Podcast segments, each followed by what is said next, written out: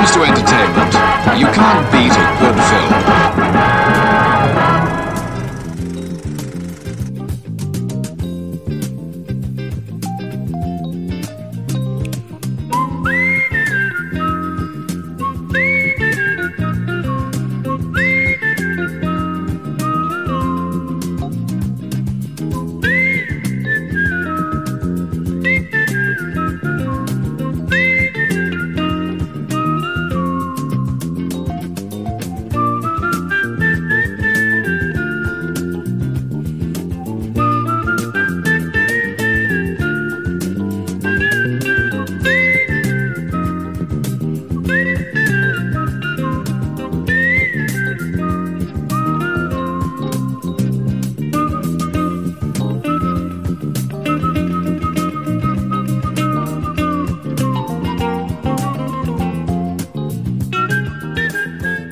Aflevering 4 van Inglorious Rankers. Mijn naam is Paul. Welkom luisteraars. En ik doe het natuurlijk niet alleen, want Vincent is er ook. Ja, hallo allemaal. Fijn dat jullie weer luisteren. Nou, leuk dat je er bent, eh, Vincent. Ja, we, we gaan het in aflevering 4 hebben over onze top 10. En het is de eerste keer dat we eh, niet een franchise bespreken of een, eh, of een bepaald jaar. Maar we, we gaan voor de eerste keer een, een, een acteur bespreken. En dan Yes. hebben we allebei een top 10 gemaakt van eh, wat wij denken dat zijn leukste of beste films zijn. En eh, ja, dat is over Rutger Hauer. Ja, Ons, Rutger eh, Hauer. Ja, Ons Nederlands trots, zeg ik altijd. eens. Misschien wel de beste Nederlandse acteur tot dusver. Ja, ik durf het wel te die, eh, beweren. Ja, dat, eh, dat durf ik ook wel. eh, eh. maar goed, voordat we over Rutger Hauer gaan hebben. eh, heb jij nog een leuke filmtip die je uit de mouw kunt schudden voor onze luisteraars? Ja, ik heb heel veel Rutger Hauer gezien. Dus daar kom ik zo op terug de afgelopen weken. Echt heel veel Rutger Hauer. Met ook een aantal hele leuke verrassingen, moet ik zeggen. Eh, ik heb gezien de film Jojo Rabbit. Ah, wat vond je daarvan? Ja, vond ik heel mooi. Ik was erg ontroerd eh, door deze film. Ja, over, over, de, over een, eh, een jonge knul. Die heel, een, zijn grote wens is eigenlijk eh, de Hitlerjugend eh, te joinen. Maar eigenlijk is die, is die niet echt geschikt om dat te doen. Is eigenlijk een beetje een, een, een, een, softie is het. En hij woont alleen met zijn moeder, want zijn vader die vecht aan het front. Dat wordt hem in ieder geval verteld. En zijn moeder die heeft een, een Joods meisje in huis. Eh, die laat ze onderduiken in het eh, huis waarin zij wonen. Bovenop zolder. En daar komt hij achter. En langzaamaan krijgt hij een band met dat Joodse meisje. En ziet hij ook de andere kant van de oorlog. Dan alleen maar de kant van Hitler. En een leuk pluspuntje is dat hij een soort imaginary friend heeft. En dat is Hitler. Op een hele komische manier wordt dat, eh, wordt dat volgens mij door de regisseur zelf gespeeld, Hitler. Dus hij heeft ook heel veel 1-2'tjes met Hitler. En langzaamaan zie je ook dat hij zich tegen zijn imaginary friend keert. Heel bijzondere film.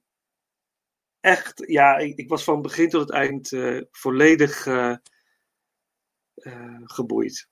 Dus absoluut een aanrader, Jojo Rabbit. Nou, sluit ik, sluit ik me bij aan. Ik heb natuurlijk ook gezien, een paar weken geleden al.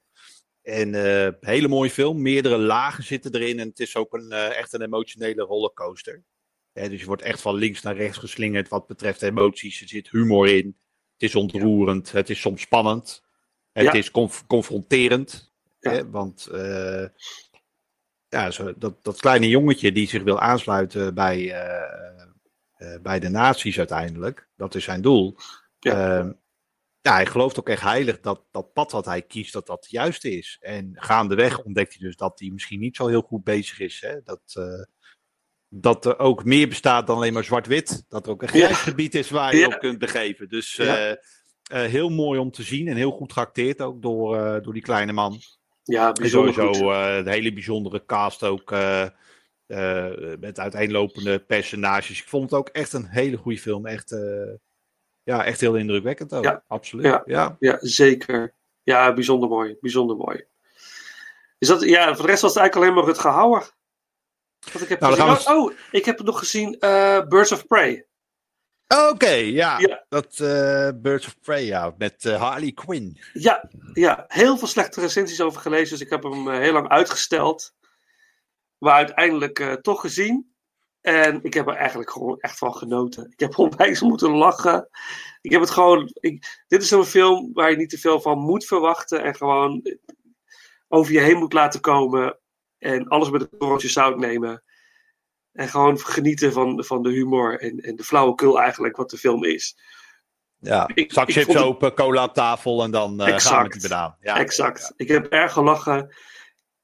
Kijk, het is, het is geen Dark Knight. Het is geen. Weet je, het gaat niet naar, naar dat level. Maar ik vond het eh, hoogst eh, vermakelijk. Dus op die zeker gaan kijken.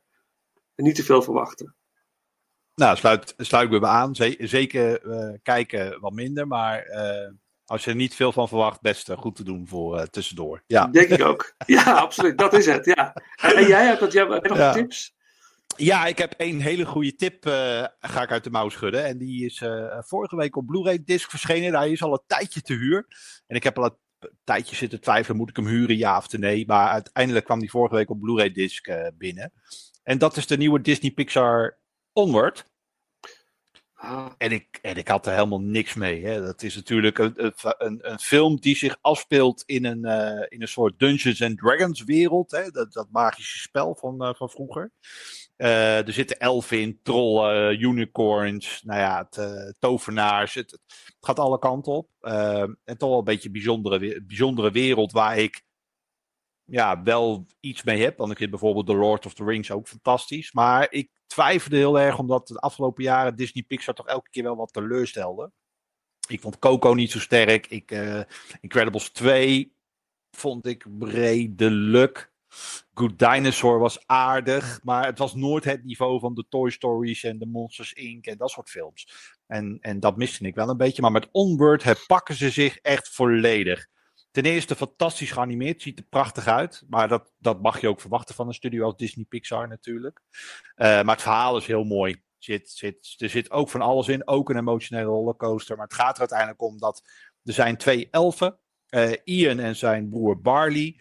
En ehm, de magische wereld van de trollen en de elfen die is veranderd. Want inmiddels, ja, waar vroeger het licht nog werd eh, gecreëerd met de toverstaf, is tegenwoordig heeft iedereen gewoon een lichtschakelaar. En ze hebben een afstandsbediening en een televisie in huis en ze rijden in auto's. En eh, het, het is allemaal eh, geëvolueerd. En dan blijkt de Ian toch nog steeds magische krachten te bezitten, als 16-jarige elf. En die magische krachten gaat hij gebruiken om voor één dag zijn vader terug te halen. Die is hij op jonge leeftijd verloren. En eh, hij heeft hem eigenlijk nooit ontmoet. Hij kent hem niet meer. Dus hij wil voor één dag zijn vader terughalen. En dat probeert hij dan, maar dat mislukt. Dus hij tovert alleen de benen van zijn vader terug en niet zijn bovenlichaam. Dus hij kan niet met hem praten, behalve door hè, met zijn voeten een beetje aan te tikken en dat soort dingen. En eh, om zijn toverspreuk af te maken, moet hij op zoek naar een magische steen. Nou, daar gaat het eigenlijk het avontuur over, want samen met zijn broer Barley eh, gaat hij dat avontuur tegemoet. En volgens een schatkaart die ze vinden. En eh, gaan ze die steen zoeken om die spreuk af te kunnen maken. En dat gaat natuurlijk van, van, van links naar rechts. Het, er zit er ook weer heel veel humor in, heel veel ontroering in. En het is ook vooral een, een film over broederschap. Hè, want het zijn twee broers die de handen ineens slaan om dus die steen te vinden.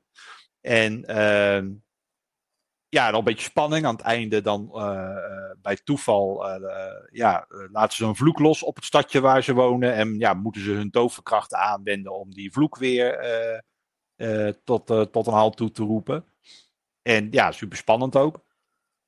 Ja, een, hele leuke film. Van links naar rechts geslingerd. En aan het einde van de rit echt wel weer een brok in mijn keel. Zoals bij de meeste Disney Pixars die goed zijn wel Ja. heb. Dus eh, Ja. ja. voor mij de juiste graadmeter om ook te zeggen, nou, dit is weer Disney Pixar op zijn top. Dus eh, nee, die zou ik echt van harte aan willen bevelen. Ja? ja? Ja. ik twijfel steeds of ik die film moet gaan kijken. Maar nu je dit zo vertelt, dan moet ik wel, hè? Ja, ik heb dat, geen keuze meer nu.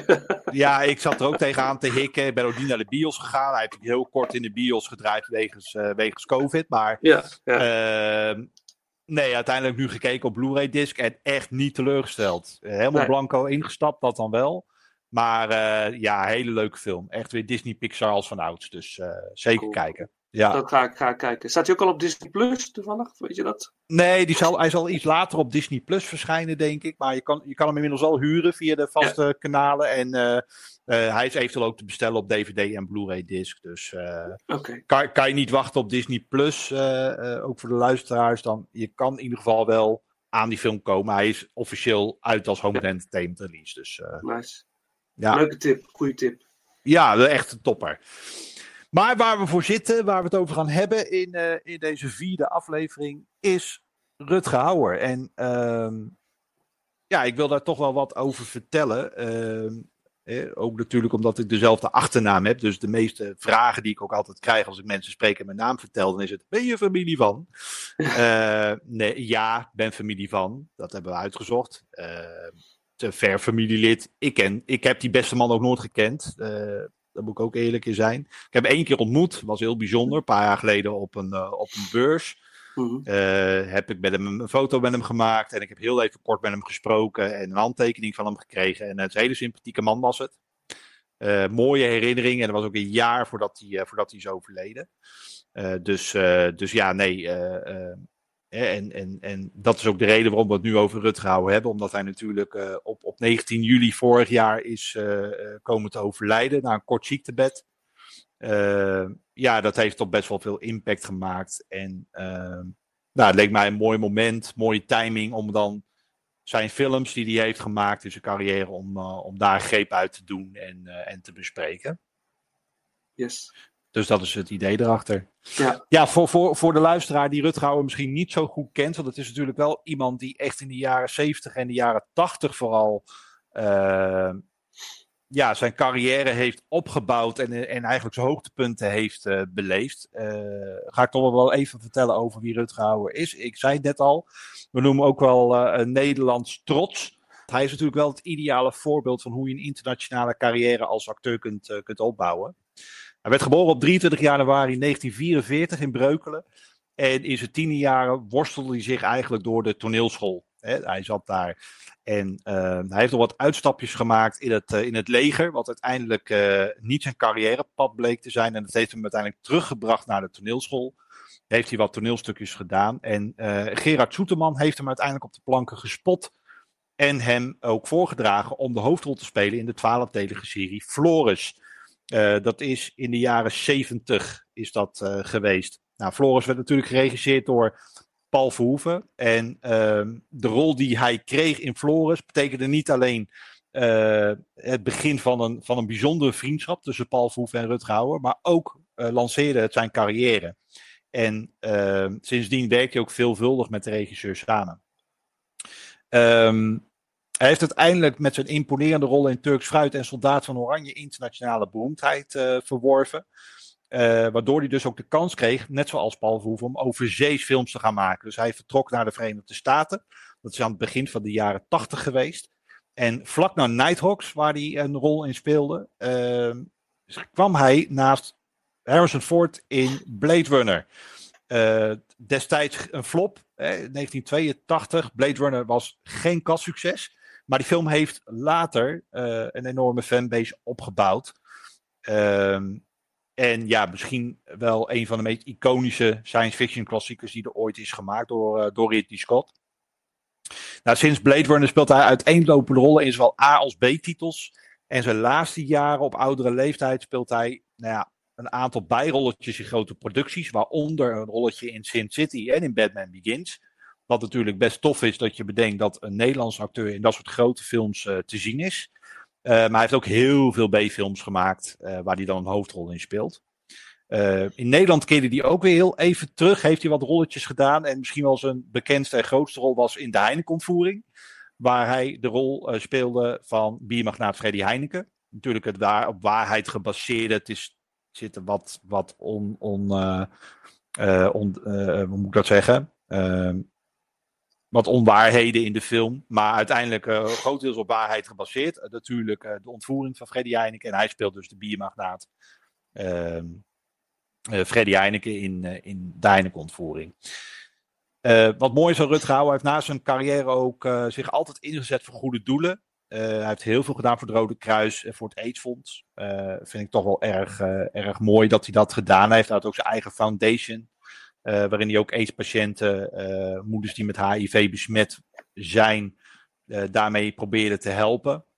hij heeft de laatste jaren in Nederland gewoond op een boerderij in het Friese Beest, Beetsterzwaag, moet ik goed uitspreken. Beetsterzwaag heeft hij gewoond op een boerderij samen met zijn vrouw Ineke ten Katen, waar hij al jaren tientallen jaren mee samen was. Ja, eigenlijk altijd. dat is een vaste vrouw eigenlijk geweest. Hij is nooit... Die, ja, hij heeft, hij heeft wel een hele korte relatie gehad uh, waar hij ook een kind... Uh, uh, een, kind, een kindje heeft gekregen met zijn, met zijn eerste vrouw. Maar dat praten we echt wel inderdaad over, ik geloof, jaren tachtig even uit mijn hoofd.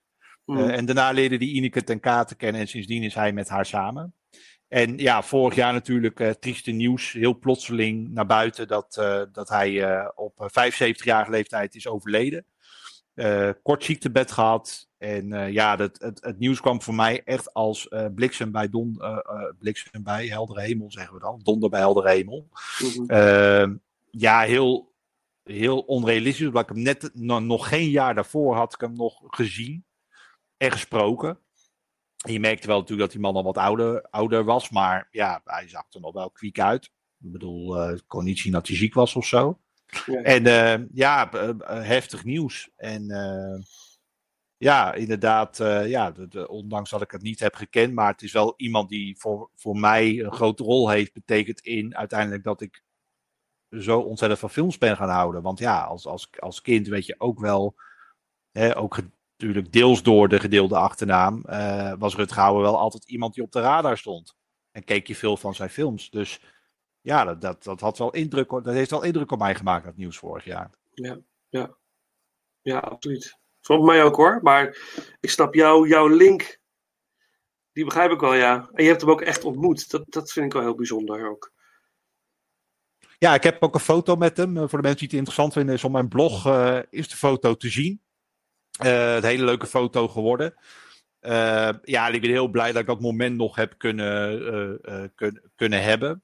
er zijn gewoon een aantal acteurs en actrices die bij mij gewoon op het lijstje staan. Nou, Paul Verhoeven heb ik al afgevinkt, omdat ik Paul Verhoeven uh, daar heb ik zelfs veel mee gekeken, want ik mocht toen naar de première van de remastered edition van, uh, van Spetters, van de Paul oh. film. Ja, was, in, was, was tevens gelijk de opening van het AI Filmmuseum. Daar praat ik echt wel over, denk ik, een jaar of zes, zeven geleden. En ik mocht naar de première in het AI Filmmuseum op, uh, op uitnodiging. En daar, daar was eigenlijk iedereen aanwezig. van, van, ja, vanuit de Nederlandse filmindustrie kwamen ze allemaal voorbij. Die, je kent. Joop van den Ende was erbij. René Zoutendijk was erbij. Uh, Rutger was er toen niet bij. Uh, dat werd ook heel duidelijk benadrukt. Die, uh, die had andere verplichtingen, waardoor hij niet in Amsterdam aanwezig kon zijn. Maar Paul Verhoeven was er wel. En die, dat was heel mooi, want ik stond in de lobby van het ei. En we waren aan het wachten tot we natuurlijk de zaal mochten betreden. En we doen een drankje, we krijgen een hapje. En nou ja, de, je begeef je als filmliefhebber opeens tussen, tussen de, ja, de crème de la crème van de Nederlandse filmindustrie.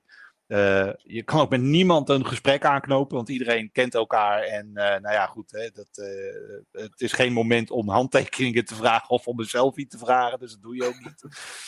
maar wel leuk om even aan de, aan de zijlijn toe te kijken hoe dat dan eraan toe gaat en hoe die mensen met elkaar praten. Dat is erg leuk om mee te maken.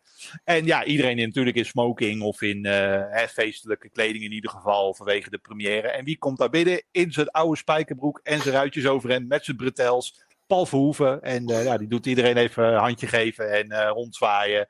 En uh, ja, die man zat twee rijen achter me en we hebben samen die film gekeken. Niet gesproken, maar goed, ik ben heel dicht bij hem geweest. En dat is voor mij ook wel weer voldoende. En, ja, geweldig. heel veel bewondering ook voor die man, wat hij heeft gedaan voor de Nederlandse film. En internationaal natuurlijk ook. dus goed zo. Maar het zijn natuurlijk een aantal acteurs en actrices die je graag een keer een hand zou willen geven of zou willen spreken. En Rut Gouwen was daar gewoon één, één van. En ja, blij dat ik dan nog net een paar maanden voordat hij kwam te overlijden nog heb kunnen doen. Dat was wel, uh, was een bijzonder moment. Gaaf man. Ja, zeker. Ja. Maar uh, waar ik wel even nieuwsgierig naar ben, is van. Ja, ik, mijn, mijn, hoe ik in aanraking ben gekomen met Rutger Hauer heb ik, heb ik al, al toegelicht. Hè, vanwege de jeugd en de gedeelde naam. Uh, dat, dat mijn ouders eigenlijk wel ja, mij kennis lieten maken met zijn films. Maar wat, wat is jouw ehm, kennismaking, om zo maar te zeggen, met, met Rutger Hauer. Hoe, hoe ben jij op ooit op zijn films gekomen? de eerste keer dat ik Rutger Hauer zag was op een filmposter. Ik ging altijd iedere zaterdag uh, met mijn ouders naar de stad, heb ik al eens eerder verteld. En ik wilde altijd langs alle bioscopen in het centrum van Nijmegen lopen. Want vroeger had je nog, dan kon je zeg maar de, uh, de bioscoop in. Niet helemaal naar de foyer, maar je kon een beetje naar binnen. En dan zag je vitrines met posters en lobbycars van welke films ze dan draaiden. En ik wilde het altijd weten. Ieder weekend wilde ik weten, wat draait daar? Wat mag ik wel zien, wat mag ik niet zien? En ik was nou, een jaar of negen, denk ik, acht, negen. En was in Carolus, plein 44 in Nijmegen. Loop naar binnen en daar hangt een heel grote poster van Flesh and Blood. En daar staat dus Rutger Hauer met dat grote zwaard wat hij heeft op die poster, al rennend, alsof hij naar voren rent. En ik was meteen hooked. Oh, wat is dit voor een film? Maar groot, 16 jaar en ouder. Kwam ik van zo lang als zijn leven niet in natuurlijk. Maar ik was gebiologeerd, vooral ook door, door dat figuur. Het imposante gezicht. En, uh, en toen zag ik ook nog bij Simon Scope, bij Simon van Kolm. Simon Scope was natuurlijk een heel bekend filmprogramma in de jaren 80. Zag ik fragmenten uit Flesh and Blood. Ja, dus dat is mijn eerste kennismaking. En uh, later ben ik gewoon video's gaan huren. Toen heb ik Flesh and Blood gehuurd. En van daaruit ook Turks fruit gezien. Want ja, wie is er het gehouden? Ga je meer ontdekken van de man. De Hitcher. Uh, en ik vind hem ontzettend indrukwekkend. Zijn presence op het scherm is heel, heel. Uh, wat is het juiste woord? Ik kom niet op het juiste woord, maar hypnotizing, hypnotiserend soms. Ik vind ook, ja. hij heeft heel veel B-films gemaakt, maar sommige van die B-films krijgen een betere kwaliteit door zijn aanwezigheid. dat is absoluut waar. Ja. zo bijzonder. hij is. En ik ben heel erg gek op het lezen van biografieën. Ik lees heel veel biografieën. En ik heb een aantal favorieten, waaronder de biografie van Paul Verhoeven, waar hij zelf aan meegewerkt heeft. Die heb ik al drie keer gelezen en die kan ik zo nog een keer lezen. En de biografie van Barry Hay van de Golden Earring vind ik fantastisch. Maar ook die van Rutger Hauer, zijn autobiografie, die heb ik afgelopen week weer in zijn geheel gelezen. Ja, dit, ja, de manier waarop hij in het leven staat, überhaupt, hoe hij omgaat met de dingen die hij tegenkomt in die bijzondere wereld van Hollywood, vind ik, vind ik zo gaaf. Hij heeft een Hollandse nuchterheid. Hij is duidelijk, helder. En weet je, the man you want to be soms, weet je wel? Dat, uh, we hadden het net over zwart-wit en grijs. Ik denk dat deze man ook heel zwart-wit is, maar ook heel goed voor zichzelf kan opkomen. Maar ook wel in het grijze gebied zich ook daar wel in kan begeven, maar heel goed daarin ook zijn grenzen kan aangeven. Daar heb ik straks nog wel wat leuke voorbeelden van.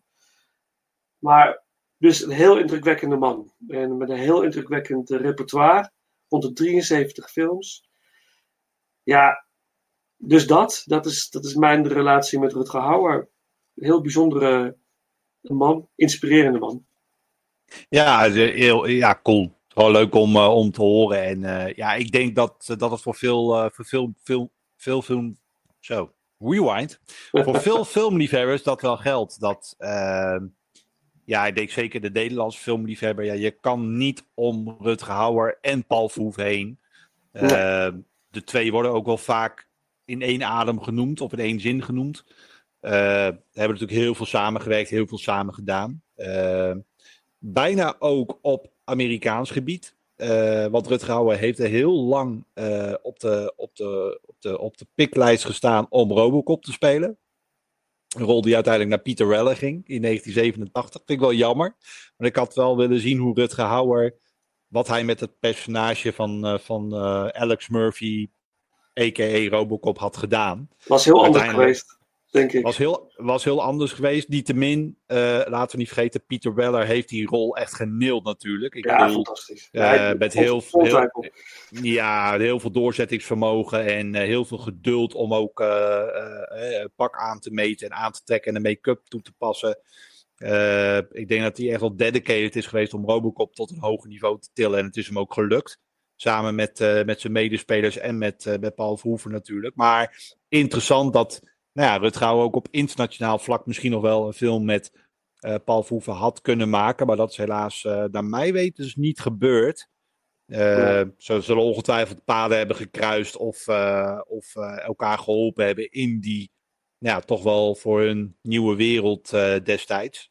Ja. Ik denk dat dat toch heel anders film maken is en hele andere wegen te bewandelen zijn dan hoe je in Nederland films maakt. Dus ja. ja in Nederland krijgen ze bijna geen voeten aan de grond. Ook. Ze nou ja, praten als het, brugman om überhaupt die films te kunnen maken. Turks Fruit, Soldaat van Oranje. Het probleem was natuurlijk een beetje dat dat budget was nog schaarser dan dat het tegenwoordig uh, is. En uh, kijk, vroeger had je natuurlijk niet heel veel keus, ook niet als Nederlands Filmfonds bijvoorbeeld zijnde. Van ja, we hebben natuurlijk een aantal filmmakers die zich op een niveau kunnen uh, begeven dat het goede avondvullende speelfilms zijn voor in de bioscoop. Uh, en dan ga je kijken natuurlijk wie het beste scenario heeft en wie de beste plannen heeft. En uh, ik denk dat uh, Paul Verhoeven wel een bepaald imago had. Want ik zeg altijd even heel plat: als er niet in geneukt wordt, is het geen Paul Verhoeven film. Want het is altijd keiharde seks. En ook heel expliciet in beeld gebracht. Uh, dan wil ik net niet zeggen dat porno is, maar hij, hij, hij hikt er altijd wel tegenaan. Hij wil echt wel dat randje opzoeken. En dat vind ik ergens heel bijzonder, want het dient altijd zijn verhaal, het dient altijd de film. Um, maar ik kan me ook voorstellen, als je dan praat over hè, Turks Fruit 1973. Ja, dat vonden mensen niet zo fijn dat je daar dan uh, Rutger Hauer in zijn blote togens door het beeld ziet rennen en uh, zich af ziet trekken op een poster van Monique van der Ven. Ik denk dat je dan best wel wat ja, kwade blikken op je, op je afgevuurd krijgt. En ja, je moet niet vergeten dat dat toen allemaal een stuk preutser was dan dat het tegenwoordig is. Uh, tegenwoordig kan er best veel in film. Maar toen was dat wel anders. Hè? Dat, uh, dat, dat, ja, dat, dat, dat, deed je eigenlijk niet. Dus dat was heel spraakmakend. Daar kom ik straks ook nog wel op in de top 10. Want er staan natuurlijk een aantal van die films in zijn top 10. Uh, of in mijn top 10 moet ik zeggen.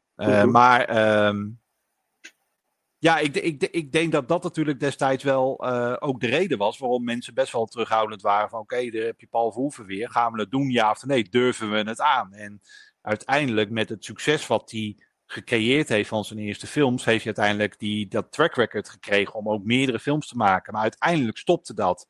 En ja. de enige kans om nog uh, films te kunnen maken en zijn visie te kunnen behouden, was om naar de Verenigde Staten te gaan.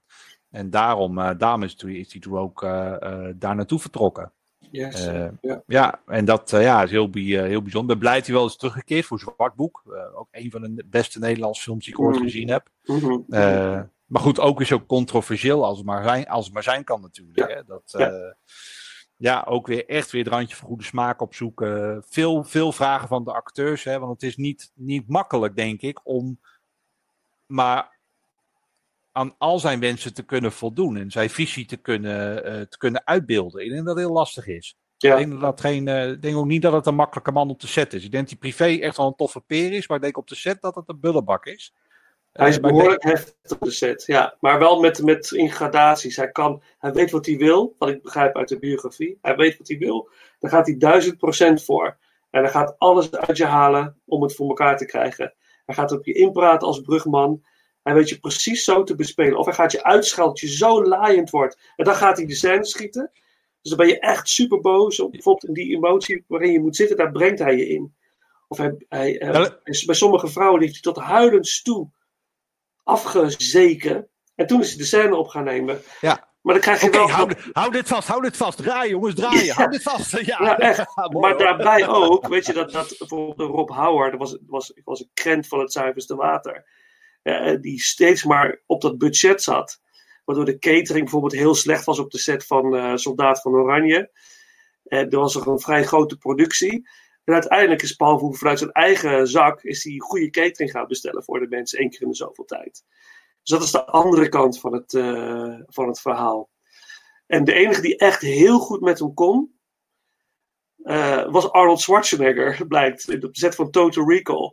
Die gewoon met zijn dikke sigaar naast Paul Verhoeven stond. Ja, is goed, Paul. Let's do it. Weet je, die gewoon deed gewoon alles.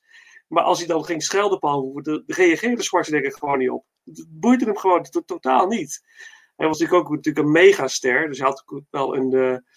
Uh, hoe zeg je dat? Een, hij kon zijn mannetje wel staan. Want die reputatie die, die, die had hij wel. Want hij, hij, was, hij was het geld. Dus je draaide toch om hem. Snap je? Ja. Dus hij kon alles voor Paul. Maar Paul kon ook heel goed met hem omgaan daardoor. Dus het schijnt een hele goede klik te zijn geweest op de set, eh, die twee. Maar Peter Weller Nou, heeft het- ook afschuwelijke dingen doorgemaakt door Paul Verhoeven. Is, ja, maar goed. Ja.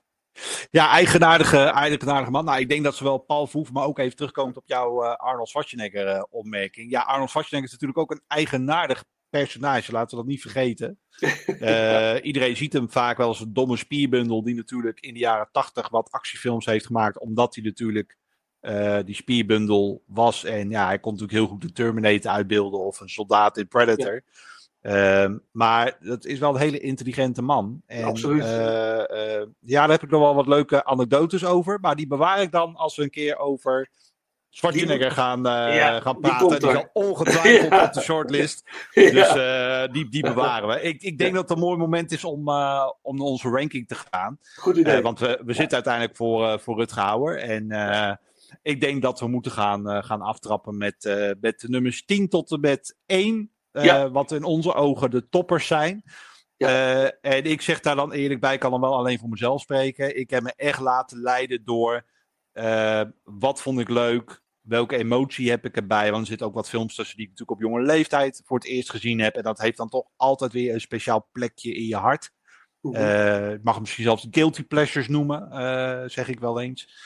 Dus ja, als luisteraars helemaal over de zijk gaan over deze top 10 ranking, nou, word dan niet boos en ga niet lopen trollen op het internet, maar stuur dan lekker je eigen top 10 in. En dan Ja. zetten we die er gewoon even tegen, tegenaan. Lijkt me goed plan. Ja. Jouw top, jouw top 10, dan gaan we, we gaan tip beginnen bij jouw nummer 10, eh, Vincent. Mijn brand nummer los. 10. Ja, mijn nummer 10 is een eh, film die ik eh, vorige week voor het eerst heb gezien. Eh, want ik was een beetje aan het kijken, wat heb ik nog niet gezien? En deze film leek me wel leuk om eens te gaan kijken. Dat is de film Split Second. I unloaded a full clip 450 Magnum, point blank. It disappeared. He can hear its heartbeat. Where'd he go? He knows it's out there. Somebody must have seen something. He knows what it can do. Are you telling me there's something running around loose in this city, ripping the hearts out of people and eating them? Maybe he eats them for breakfast. Now it's really pissing him off. Foster! And his new partner I work alone. makes two. Paranoid people with guns are a menace to society. You'd be paranoid too if you had a dipshit like this following you. I've got honors and serial homicide. Oh, terrific. It has no motive. The only thing we know for sure is that he's not a vegetarian. No! It has the DNA structure of all its victims. It gives no warning. You ready to die? But one thing's for certain. We could get bigger guns. It ain't no pushover. Two, yeah. Bingo. We want to get to Cannon Street. No, you don't. Yes, we do. Boy, are you pushy. I wouldn't say this thing thinks it's Satan. I'd say it is Satan. Rat bastard! Satan is a deep shit.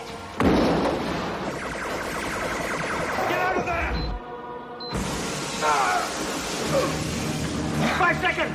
Okay, four, three,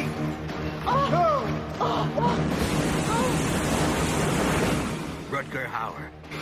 Split second. Nice timing. Split second.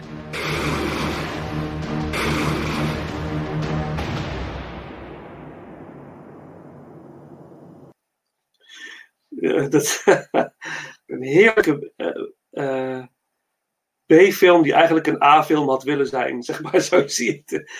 Het is eigenlijk, het is een, Rutger Hauer is een, is een agent in, de, in eh, Londen. En de straten van Londen zijn helemaal ondergelopen door zware regenval. Er is een rattenplaag. Maar er is ook een soort monsterachtige serial killer on the loose.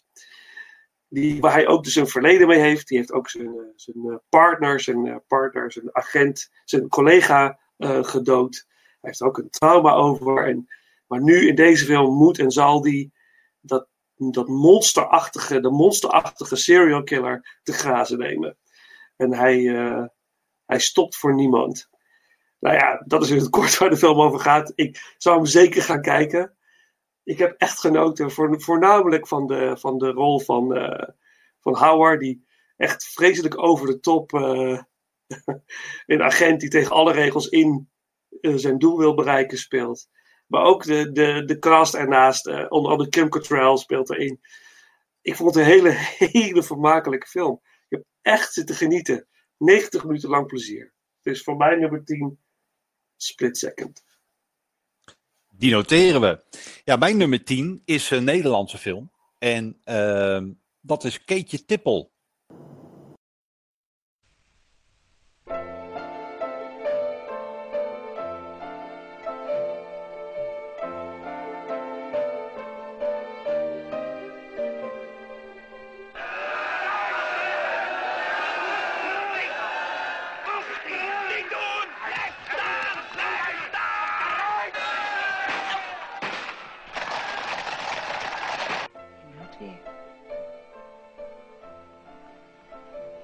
Moet je. Deed als kind ook altijd.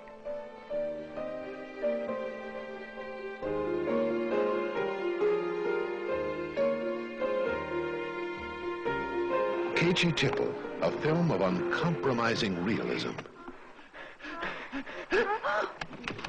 Carlo, blijf van mijn zuster af! Zo, de trap, ik pak jou ook! It takes you behind the closed doors of Victorian Europe. Hoger.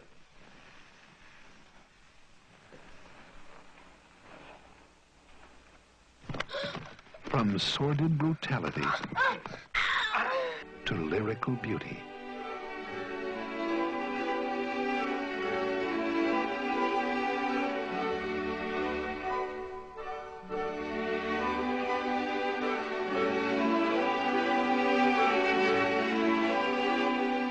K.G. Tipple. From its gilded salons where the smirking face of virtue conceals corruption and vice. Its teeming streets, exploding with the passions of a world in ferment.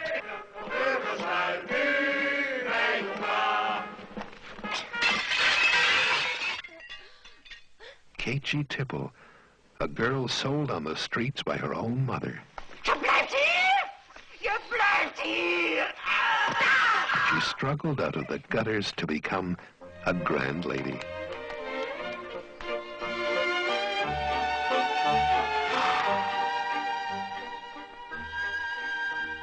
How much they tried to degrade her, Keiichi remained true to herself.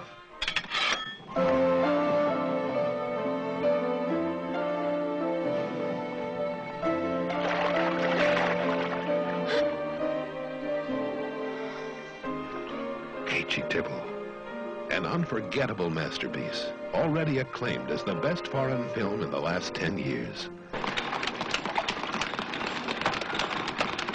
A powerful story woven from the fabric of human behavior, raw, real,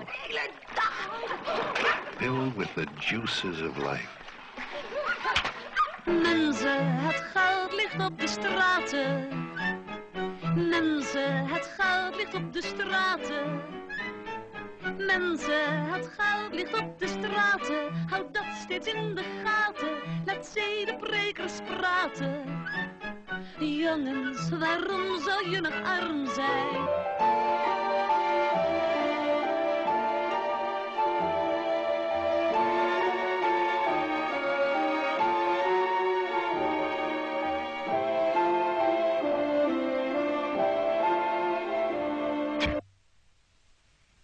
This is Keiichi Tipple. En die is twee jaar na Turks Fruit uh, uitgebracht. Uh, Paul Verhoeven, Monique van der Ven en Rutger Hauer hebben toen de handel opnieuw ineengeslagen. Uh, ja, het was een van de grootste Nederlandse publiekstrekkers in de jaren zeventig. controversiële film, want het gaat uiteindelijk... De, Rutger Hauer is niet de hoofd, het hoofdpersonage in de film. Het speelt een bijrol, wel een belangrijke. Maar het gaat uiteindelijk om Keetje, Tippel. Uh, en Keetje, die wordt gespeeld door Monique van der Ven. En gaat samen met haar familie naar de grote stad voor een beter bestaan. De film speelt zich ongeveer af aan het einde van de 19e eeuw. Dus we praten over 1888, 1889 zo'n beetje. Uh, ja, Keetje en haar familie zijn straatarm. En waar haar zus uh, met iedereen het bed in duikt om een, uh, om een snee boterham uh, te verdienen, blijft Keetje een beetje uit die wereld. Die wil daar niks mee te maken hebben. Maar gaandeweg, als ze afstand doet van haar familie en probeert een leven voor zichzelf op te bouwen, komt ze er eigenlijk achter dat haar lichaam het enige betaalmiddel is, zeg maar, om, om te krijgen wat ze wil. ze wordt ook nog verkracht als ze voor een, een, een baas gaat werken van een hoedenwinkel wordt ze s'avonds na afsluiten wordt ze, wordt ze op jonge leeftijd uh, verkracht. En op dat, dat moment komt de film een beetje in een. In een, in een uh, uh, keert het verhaal een beetje van Keetje, de onschuldige Keetje, naar een Keetje die ja, toch haar lichaam gaat gebruiken om. en eigenlijk ook een soort van gedwongen wordt om haar lichaam te gebruiken om maar te kunnen overleven. Het is, het is echt een verhaal over knokken tegenslagen het hoofd bieden. En uiteindelijk ontmoet ze dus Hugo. Dat is dus de rol die Rutger Hauer speelt. En Hugo is een rijke man die uh, verliefd is op Keetje. Keetje is op hem verliefd. En ze willen gaan trouwen. Alleen Hugo neemt de benen met de rijke dame. Als hij zelf in de financiële problemen komt. En laat Keetje eigenlijk weer aan haar lot over. En het is best wel een hele ja, zielige film. Het is een spraakmakende film. Maar ook heel stijlvol gefilmd. Uh, te danken aan, uh, aan uh, Paul Verhoeven en Rutger Hauer. Ja, speelt in deze film, ondanks dat het allemaal een bijrol is, ontzettend sterk. En zeker een top 10 plekje waard wat mij betreft. Ja, ja ik, ik kan me die film herinneren. Ik, ik, weet nog de, de penis, de schaduw van de penis die je ziet. Dat was, het was een heel spakmakend ding, dat weet ik nog heel goed. En natuurlijk, eh, het handen wassen, of dat wassen in het begin, in die wasserij of zo, wasserette waar ze werken aan het begin van de film. Waar haar handen helemaal uh, kapot gaan.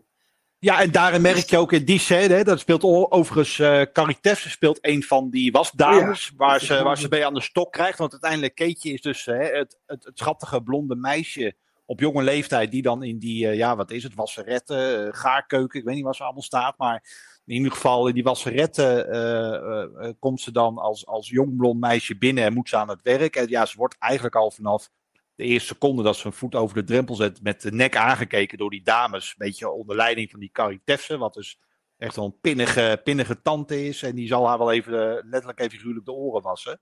Ja. En uh, dat zet eigenlijk al de toon van die, uh, van die hele film. Je, je ja. leeft ook echt met het personage Keetje mee. Uh, want ja, je, je, even als zij dat voelt, merk je zelf als kijker ook dat in de uitzichtloze situaties waarin ze terechtkomt, dat daar gewoon geen normale uitwegen zijn. En dat, ja, dat maakt het voor mij wel een hele indrukwekkende film eigenlijk. Ja. ja. Uh, dus ja, vandaar ook een, uh, een uh, in, de, in de top 10. Maar puur ook omdat Rutger Hauer die bijrol van Hugo ontzettend goed speelt. Hè, ja. dat, dat was weg wel een rol die ook op, hè, wat, wat misschien wat minder indrukwekkend dan in de films die hij voor Keetje Tippel heeft gemaakt. Maar niettemin ook weer erg sterk gespeeld. Dus mooi. Ja, mooie nice. top 10 plek voor Keetje Tippel. Mijn nummer 9 is ook een B-film van Rutger Hauer, maar ik vind eigenlijk was stiekem toch wel een A-film. Je kunt hem zelfs kijken op YouTube in zijn geheel, en dat raad ik iedereen aan. Dat is de film Voyage.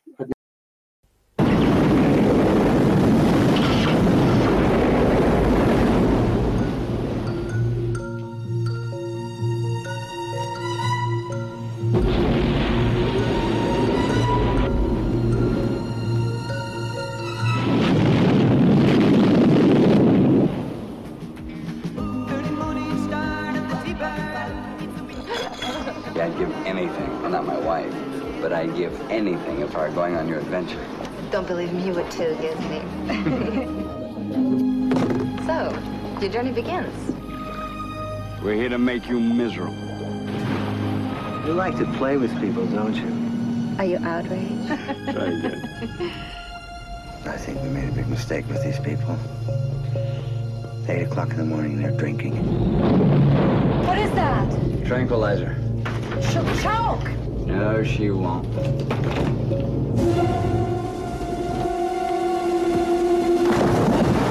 Come on! You're winning!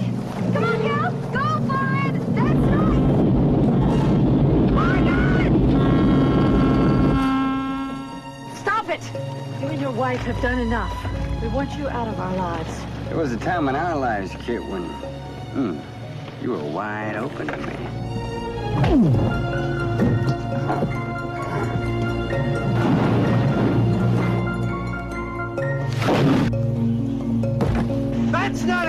Idea, Freeland.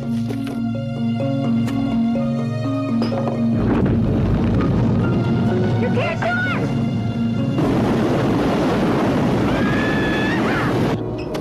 I'll shoot you! I swear to God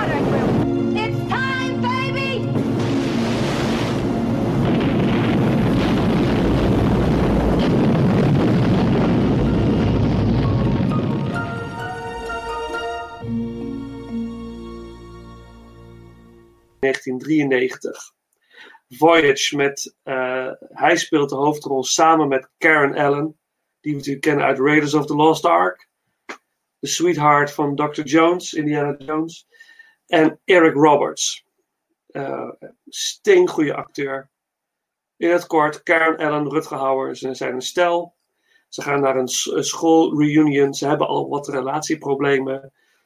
Eh, dat willen ze eigenlijk gaan oplossen samen. Ze zijn van plan om een eh, lange reis te gaan maken over zee met, met hun, eh, hun schip, hun jacht. Een soort kleine jacht. Is het een jacht? Ja, het is een jacht.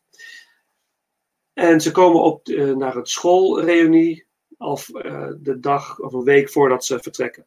En daar komen ze een stel tegen. Eric Roberts en zijn veel jongere vriendin. Eric Roberts heeft iets gehad met Karen Allen op, eh, op school destijds. Maar ze hebben een hele leuke avond samen. En het komt zover dat Eric Roberts en zijn vriendin mee gaan varen een stukje ehm, met Rutger Hauer en Karen Allen. En ze zullen hun, zeg maar, later ergens op een eiland droppen waar ze moeten zijn. Nou, dat lijkt allemaal heel leuk. Maar toch blijkt Eric Roberts toch een, een maniacale psychopaat te zijn. Dus dat gaat helemaal eh, verkeerd. Dat is in grote lijnen het verhaal. Maar Rutger Hauer is echt steengoed in deze film. Hij is, hij is de, de, de good guy hè, voor de verandering. Hij speelt dus heel vaak bad guys, maar dit is, hij is echt de good guy. Hij heeft echt het beste eh, met iedereen voor tot hij zijn grens, tot zijn grens is bereikt. Het is heel mooi ook om te zien hoe, hoe eh, de relatieproblemen zich ontwikkelen tussen eh, Karen Allen en Howard. Hoe ze dat uitspelen met elkaar. De confrontatie met, eh, met de psychopaat Roberts is echt spannend. En gaat echt onder je huid zitten. Ik vind het echt een gekke film. Dus Voyage uit 1993 is mijn nummer 9. Steengoed. Ja, ik ben wel blij dat je zegt dat hij volledig op YouTube staat. Want ik zoek al jaren de DVD. Want ik heb hem toen gehuurd toen ik, uh, toen ik tiener was. En ik vond, Ja. vond hem inderdaad heel erg goed. Dat kan ik me ook nog herinneren. En uh, ik zoek al jaren de DVD. Ding is niet te krijgen. Zoals Nee, heel klopt. veel films van Rutger Hauer niet. Ja. Dus uh, ik ga even YouTuben. Want die gaan we een keer rewatchen. Want dat is echt wel. dat was echt, echt een goede film. Ben ik met je eens. Ja. Echt een aanrader. 90 minuten. Oprecht spannend. En ook qua karakters heel boeiend om naar te kijken. Geen minuut is saai. Uh, ja, nou, top.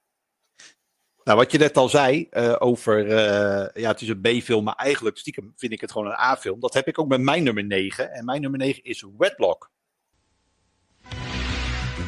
In the prison of the future, criminal justice will have a deadly twist. Demonstration! Each one of these collars is electronically linked to another prisoner's collar. If they're ever separated by more than 100 yards,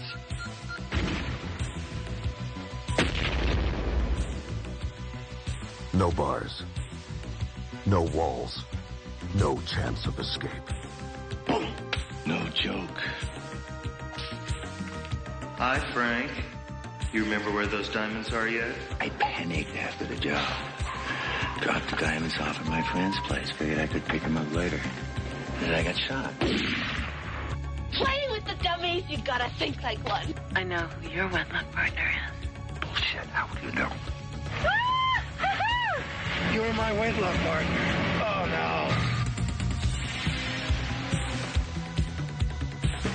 no.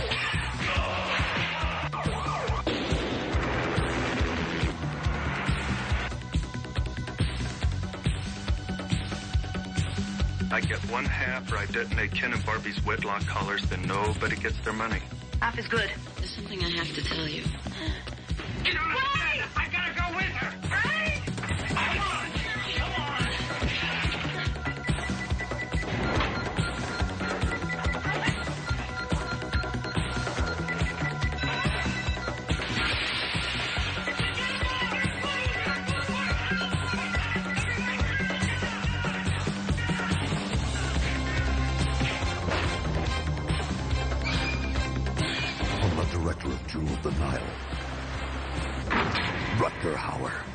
Shoot. We're coming out. Mimi Rogers. son of a bitch. And Joan Chen.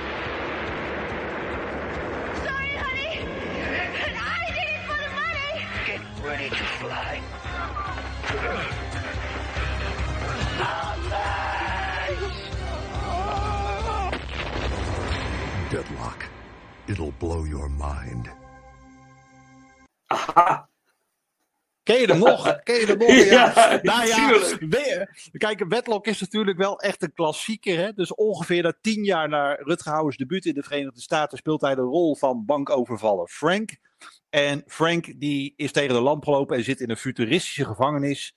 Eh, en die gevangenis is heel bijzonder, want ze hebben geen hekken en ze hebben bijna geen bewaarders. Maar de gevangenen dragen wel allemaal explosieve halsbanden. En die halsbanden zijn allemaal aan elkaar gekoppeld. Hè? Twee bij twee. Eh, dus wanneer een van de twee de grens overschrijdt van die gevangenis, dan exploderen ze allebei. En omdat niemand weet wie zijn wedlockpartner is, eh, is ontsnappen dus onmogelijk. Maar dan ontmoet Frank Tracy, gespeeld door Mimi Rogers. Zij heeft ontdekt dat Frank haar wedlockpartner is. En samen besluit ze dus, nou, samen besluit ze min of meer, eh, om de kuilenlatten te nemen. Ja, dan, gaat, dan, dan wordt het een wild, spannend achtervolgingsverhaal. waarin Frank en Tracy uit de handen van de politie proberen te blijven. Eh, ze worden nog eens een keer opgejaagd door Franks oude partners. waarmee die bankoverval is gepleegd. Eh, de directeur van die futuristische gevangenis heeft nog een vinger in de pap in, eh, in, alle, in alle malaise die zich afspeelt. Dus ja, Wedlock is gewoon heel. Het, ja, het, het is een B-film, moeten we realistisch in zijn. Maar het is ook gewoon ontzettend vermakelijk en leuk. Er zit humor in, er zit heel veel actie in. Spanning zit erin. En ehm, ja, sinds dat die uitkwam, ik heb hem toen gehuurd. Want ik zag die cover met Rutger Hauer heel groot in een soort lichtblauw, gloedachtige kleur op die cover staan. Met die halsband om. En ik denk, ja, die moet ik kijken. Dat, eh, die kan ik niet laten liggen. En sindsdien kijken misschien wel, nou ja, om de twee, drie jaar gaat hij een keer in de DVD-speler. En ja, het is echt. eh, eh, weet je, het is goed fout. Het is echt ook wel een beetje de guilty pleasure, maar hij is gewoon erg goed. En ik denk dat heel veel mensen die gewoon dit soort films eh, uit de jaren 90 kunnen waarderen, ook op Wedlock hoog in het lijstje hebben staan. Dus eh, ja, mijn nummer 9. Wedlock. Ja, Wedlock is fantastisch. Ja, echt leuk. Ja, hij staat niet bij mijn top 10. Maar zeker een honorable mention eh, wat mij betreft. Wedlock. Mijn nummer 8 is Batman Begins. Natuurlijk, als film zou ik op het nummer 1 zetten. Dat is natuurlijk een fantastische film. Maar het gaat hier om de rol van Rutger Hauer. Toen ik naar de bioscoop ging, Batman Begins in 2005, wist ik niet dat hij in die film zat. Dus ik zat in de zaal. Het was echt zo'n toffe verrassing. Ik dacht, fuck, dit is Rutger Hauer. Geweldig. Eh, didn't you read, read the memo? Was het toch het bekende... Ja. didn't you get the memo? Het is echt... Hij, speelt, hij speelt ook gewoon echt weer een klootzak van je welste in die film. hè. Dat is ook wat hij echt heel goed kan ook natuurlijk. Ja, ja. dus dat, eh, ja. Ja, vrijwel iedereen zal die film gezien hebben en weten waar ik het over heb. Hij is natuurlijk degene die, ehm, die het bedrijf van Thomas Wayne heeft eh, overgenomen na zijn dood. En eigenlijk eh, liever niet wil dat eh, Bruce, Bruce Wayne enige ins- inspraak gaat hebben in, in de zaken. Ja, het is een hele geniepige smeerlap, is het in Batman Begins. en dat doet hij fantastisch. En ik was echt verrast om hem te zien. En ik, als ik Batman Begins zie, en ik kijk hem regelmatig, want ik vind het een geweldige film, geniet ik ook echt van zijn aandeel. En ben ik trots als Nederlander dat Rutger Hauer in deze film eh, een glansrol heeft, wat mij betreft. We are showing very healthy growth in these sectors. I don't think that Thomas Wayne would have viewed heavy arms manufacture as a suitable cornerstone for our business. That's 20 years ago. Fredericks. I think after 20 years we can allow ourselves to stop thinking about what Thomas Wayne would have done. Good morning, Mr. Earl's office. Oh, yes, he's confirmed for the dinner tomorrow evening. Good morning. I'm here to see Mr. Earl. Name? Uh, Bruce Wayne. Thomas would probably not have taken the company public. But that is what we, as responsible managers, are going to do. Jessica. Jessica, where are you? Eye on the ball. Why is no one answering the phone? It's Wayne Enterprises, Mr. Earl. I'm sure they'll call back. Bruce, you're supposed to be dead. Sorry to disappoint. I need you to take a look at this. Have you uh, seen him yet? Who? Wayne. It's been all over the news. He's back. I'm sure you realize I can't stop the big machine. Too many wheels turning. We're going public. I understand. And I'll be handsomely rewarded for my shares. I'm not looking to interfere. I am looking for a job. Oh? I just want to get to know the company that my family built. Any ideas where you would start? Applied Sciences caught my eye. Fox Department. I'll let him know you're coming. You look like him. Yeah, your dad. You're the only one left of the Wayne family. This is where you belong. Welcome home. Ja, nou, ben, ik- ben ik met je eens. Hij staat niet in mijn top 10, omdat ik toch, eh, ondanks dat hij best wel een belangrijk aandeel heeft in het, eh, in het verloop van het verhaal van Batman Begins, eh, vind ik de rol niet groot genoeg om hem in de top 10 te zetten. Maar ja, zeker wel even, de, wat mij betreft ook inderdaad een, eh, het benoemen waard. Want hij doet dat wel echt goed als Mr. Earl. Hij doet dat echt Ja, fantastisch. Ja, dat is Ja. echt leuk. Hij speelt gewoon echt weer de klootzak en dat kan hij als geen ander. Dat, eh, Ja. dat, is- dat is zeker waar, ja. Absoluut. Terwijl het zo'n sympathieke man is, eigenlijk. Terwijl een hele, absoluut een hele zachtaardige, sympathieke man was het. klopt, Ja. ja. ja. Mijn nummer 8 is Blind Furry. En dat is toch wel een klassieketje. Einde jaren 80. Hè? Dus Rutger Hauer heeft op dat moment al wat films in de Verenigde Staten gemaakt. En eh, krijgt dus de kans om Nick Parker te spelen in, eh, in de actiefilm.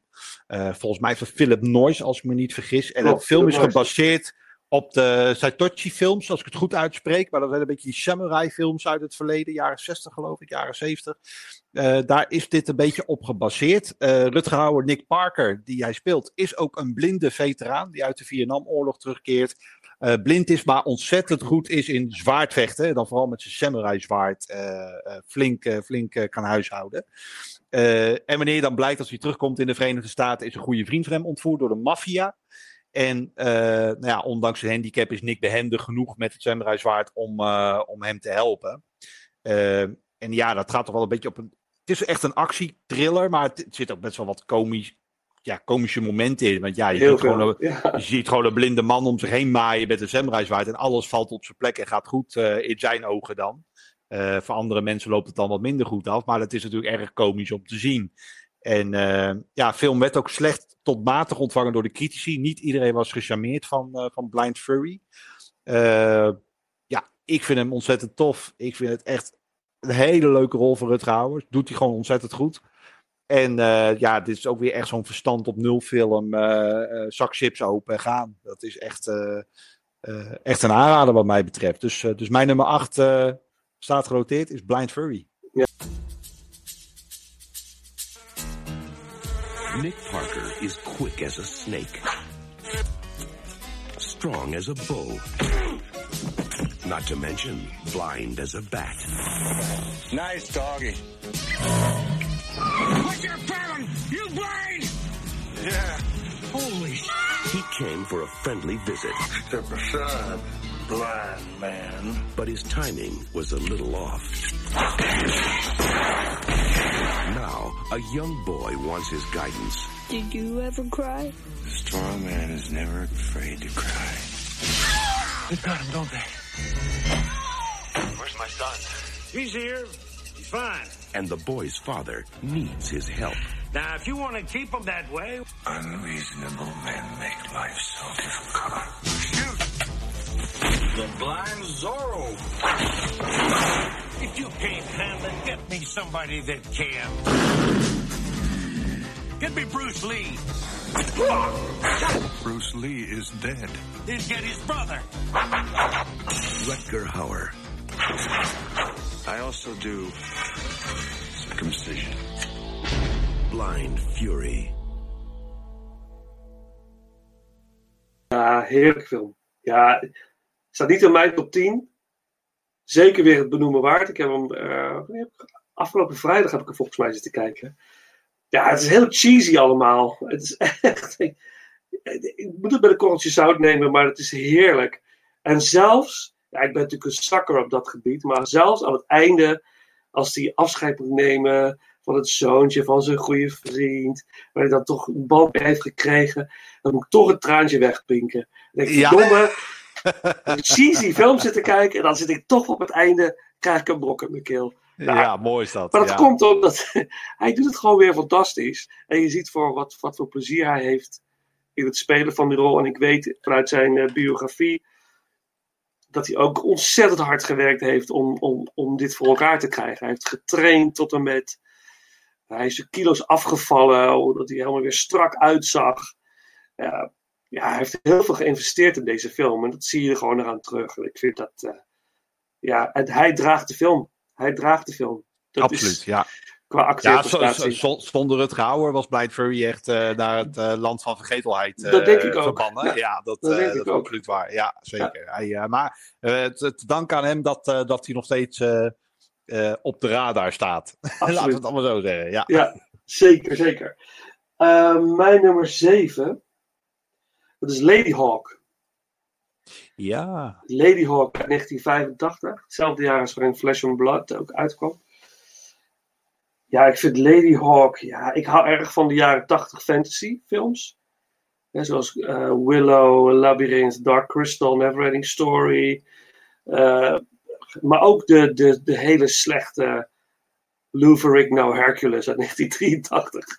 Niet om aan te zien, maar ik kan er zo van genieten om daar naar te kijken. Maar Lady Hawk is, is een geval apart. Het, is zo'n bijzonder mooi verhaal met zoveel liefde gemaakt. Dat zie je in alles. Het ziet er zo mooi uit. Camerawerk is fantastisch. Het acteerwerk van Hauer is. hij draagt wederom de film, maar nu samen met Michelle Pfeiffer en Matthew Broderick. Ja, bijzonder. Het is een heel simpel gegeven. Eh Rutger Hauer heeft eh, een relatie met Michelle Pfeiffer, maar er is een probleem. Er is een vloek over hen uitgesproken. Eh, S'nachts verandert eh Hauer in een wolf. En overdag verandert eh, Michelle Pfeiffer in een eh, hawk, een havik.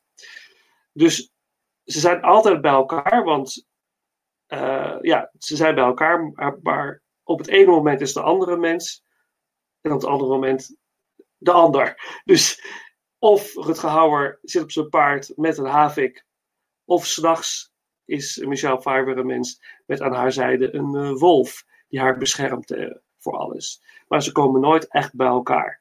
Dus het doel is om die vloek weer eh, op te heffen.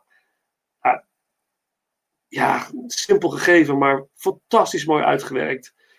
Met ook heel veel mooie creatieve ideeën van Hauer. Bijvoorbeeld, er zit een scène in dat eh, ze elkaar, omdat, zeg maar, omdat de zon net niet ver genoeg boven de berg eh, uitstijgt, hebben ze een kort moment dat ze elkaar weer even zien als mens, maar ze kunnen elkaar net niet aanraken.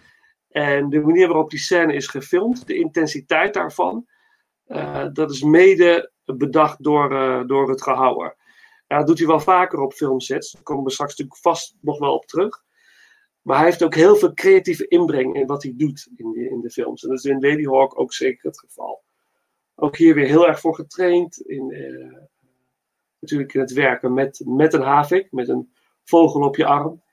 Maar ook eh, het zwaardvechten heeft hij eh, nog verder uitgewerkt. Hij heeft natuurlijk al heel veel aangedaan ten tijde van Floris en uh, voor Flesh and Blood. Maar hierin uh, verheft hij tot, uh, tot een verdere kunst. Bijzonder mooie film en een mega gave 80s soundtrack.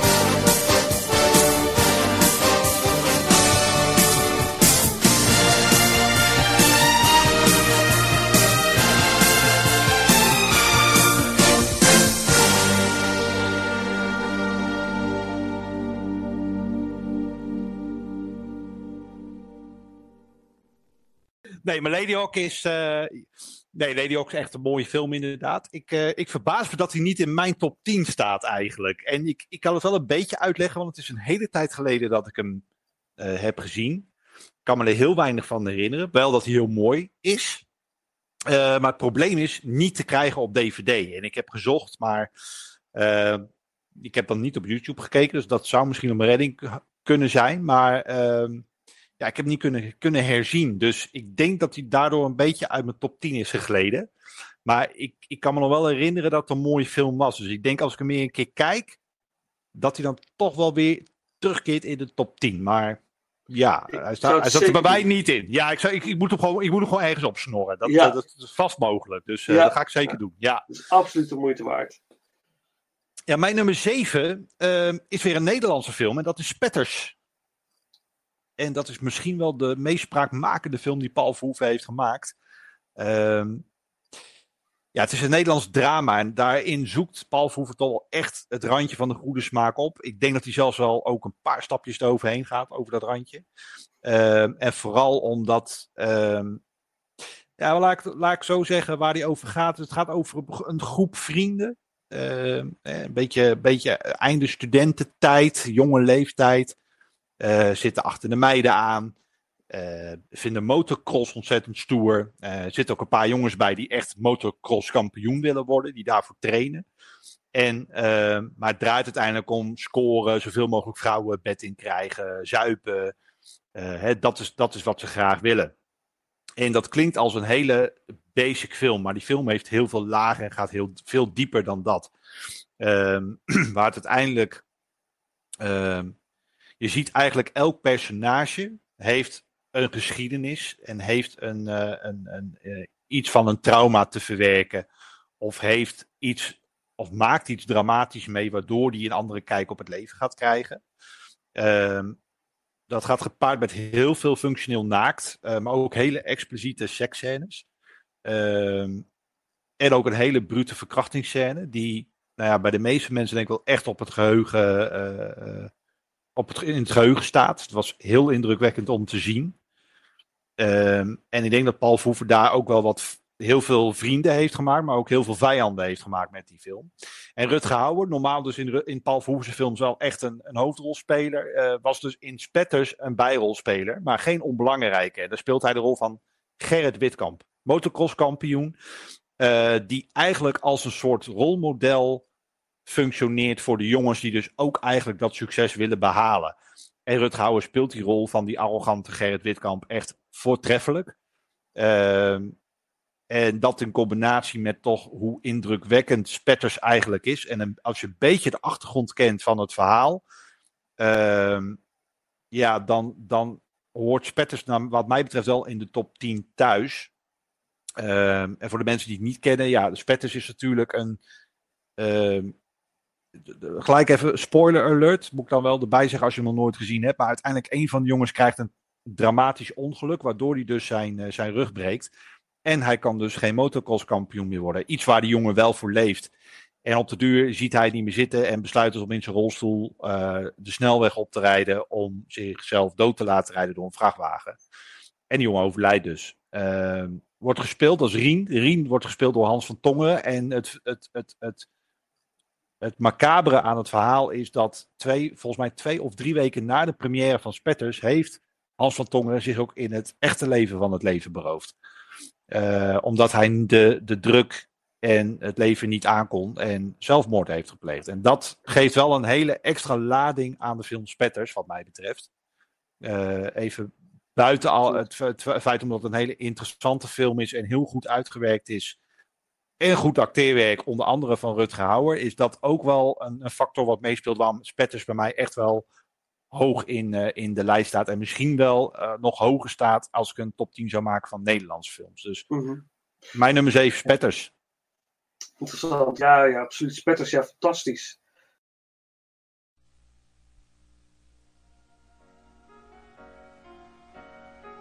This is a girl with a dream.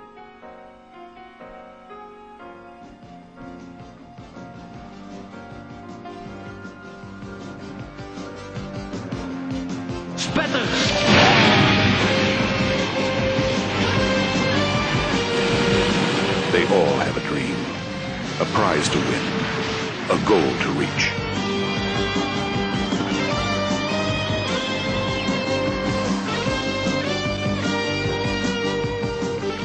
And they all share the dream, each in his own way.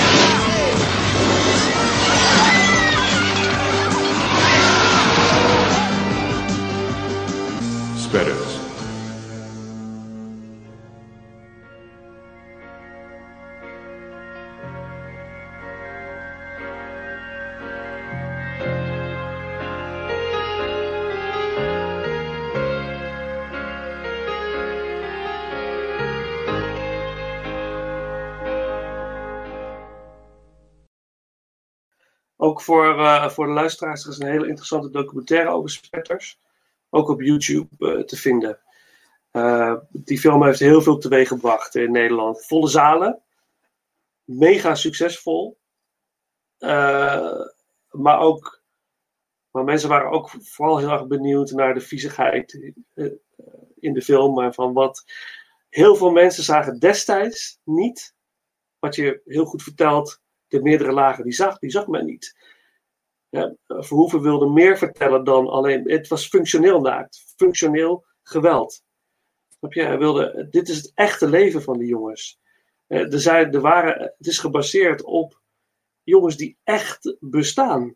De, de boerenjongens eh, die nog iets van hun leven willen maken. En dat is dan in dit geval de motocross. Dat is het leven het snoeiharde, keiharde leven van die gasten. Snap je, in, die, in, in zo'n dorp. En dat wilden heel veel mensen niet zien. Uh, op dat moment. Nu wel gelukkig, want de film is echt natuurlijk een klassieker. Ja, bijzondere films, Spetters. En nog even inhakend. De beste Nederlandse filmquote ooit komt uit Spetters door René Zoutendijk. Want die zei op de duur: het leven is net als een kroket. Want als je weet wat erin zit, dan wil je hem niet meer. Ja. en dat vond ik nog wel een mooie. Mooi. Uh, ja, mooie, mooie quote. en uh, zo, zo, zo slaat echt de spijker op zijn op kop. Ik vind hem wel heel zwart-wit. Maar ja. Uh, ja, er zit wel wat in. Ja, dus gewoon wel mooi om even te noemen. Ja. oh, die is mooi. Ja, ja. Goed, mijn nummer 6. Mijn nummer 6 is uh, denk ik ook een van de beste Nederlandse films ooit gemaakt. Inmiddels ook een musical. Ook trouwens zeer, uh, zeer de moeite waard. Als die weer gaat draaien en je hebt nog niet gezien, ga er naartoe. Uh, Soldaat van Oranje.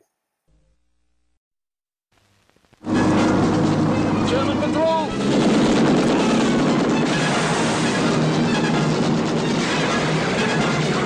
Every story has a beginning and an end.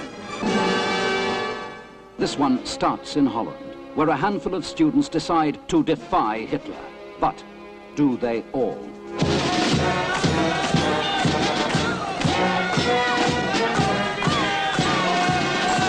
Ah! It's a story of courage and betrayal, of sabotage and spying. The men of the Dutch resistance against the might of the Third Reich.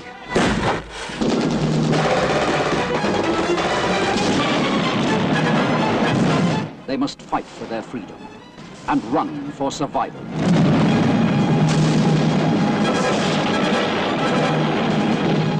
Survival Run is not a pretty story, but it has to be told. We have the same objective to destroy Germany. And all traitors. So I'm supposed to do the dirty work. We haven't worked out all the details yet, but you will be going back. Survival Run is about one of the most daring and heroic ventures of World War II. It's a story of love and hate. A story of patriotism and passion. I know what's wrong with you. You have no imagination. Unhappily, friends don't exist in time of war. We're in trouble. What trouble? A traitor.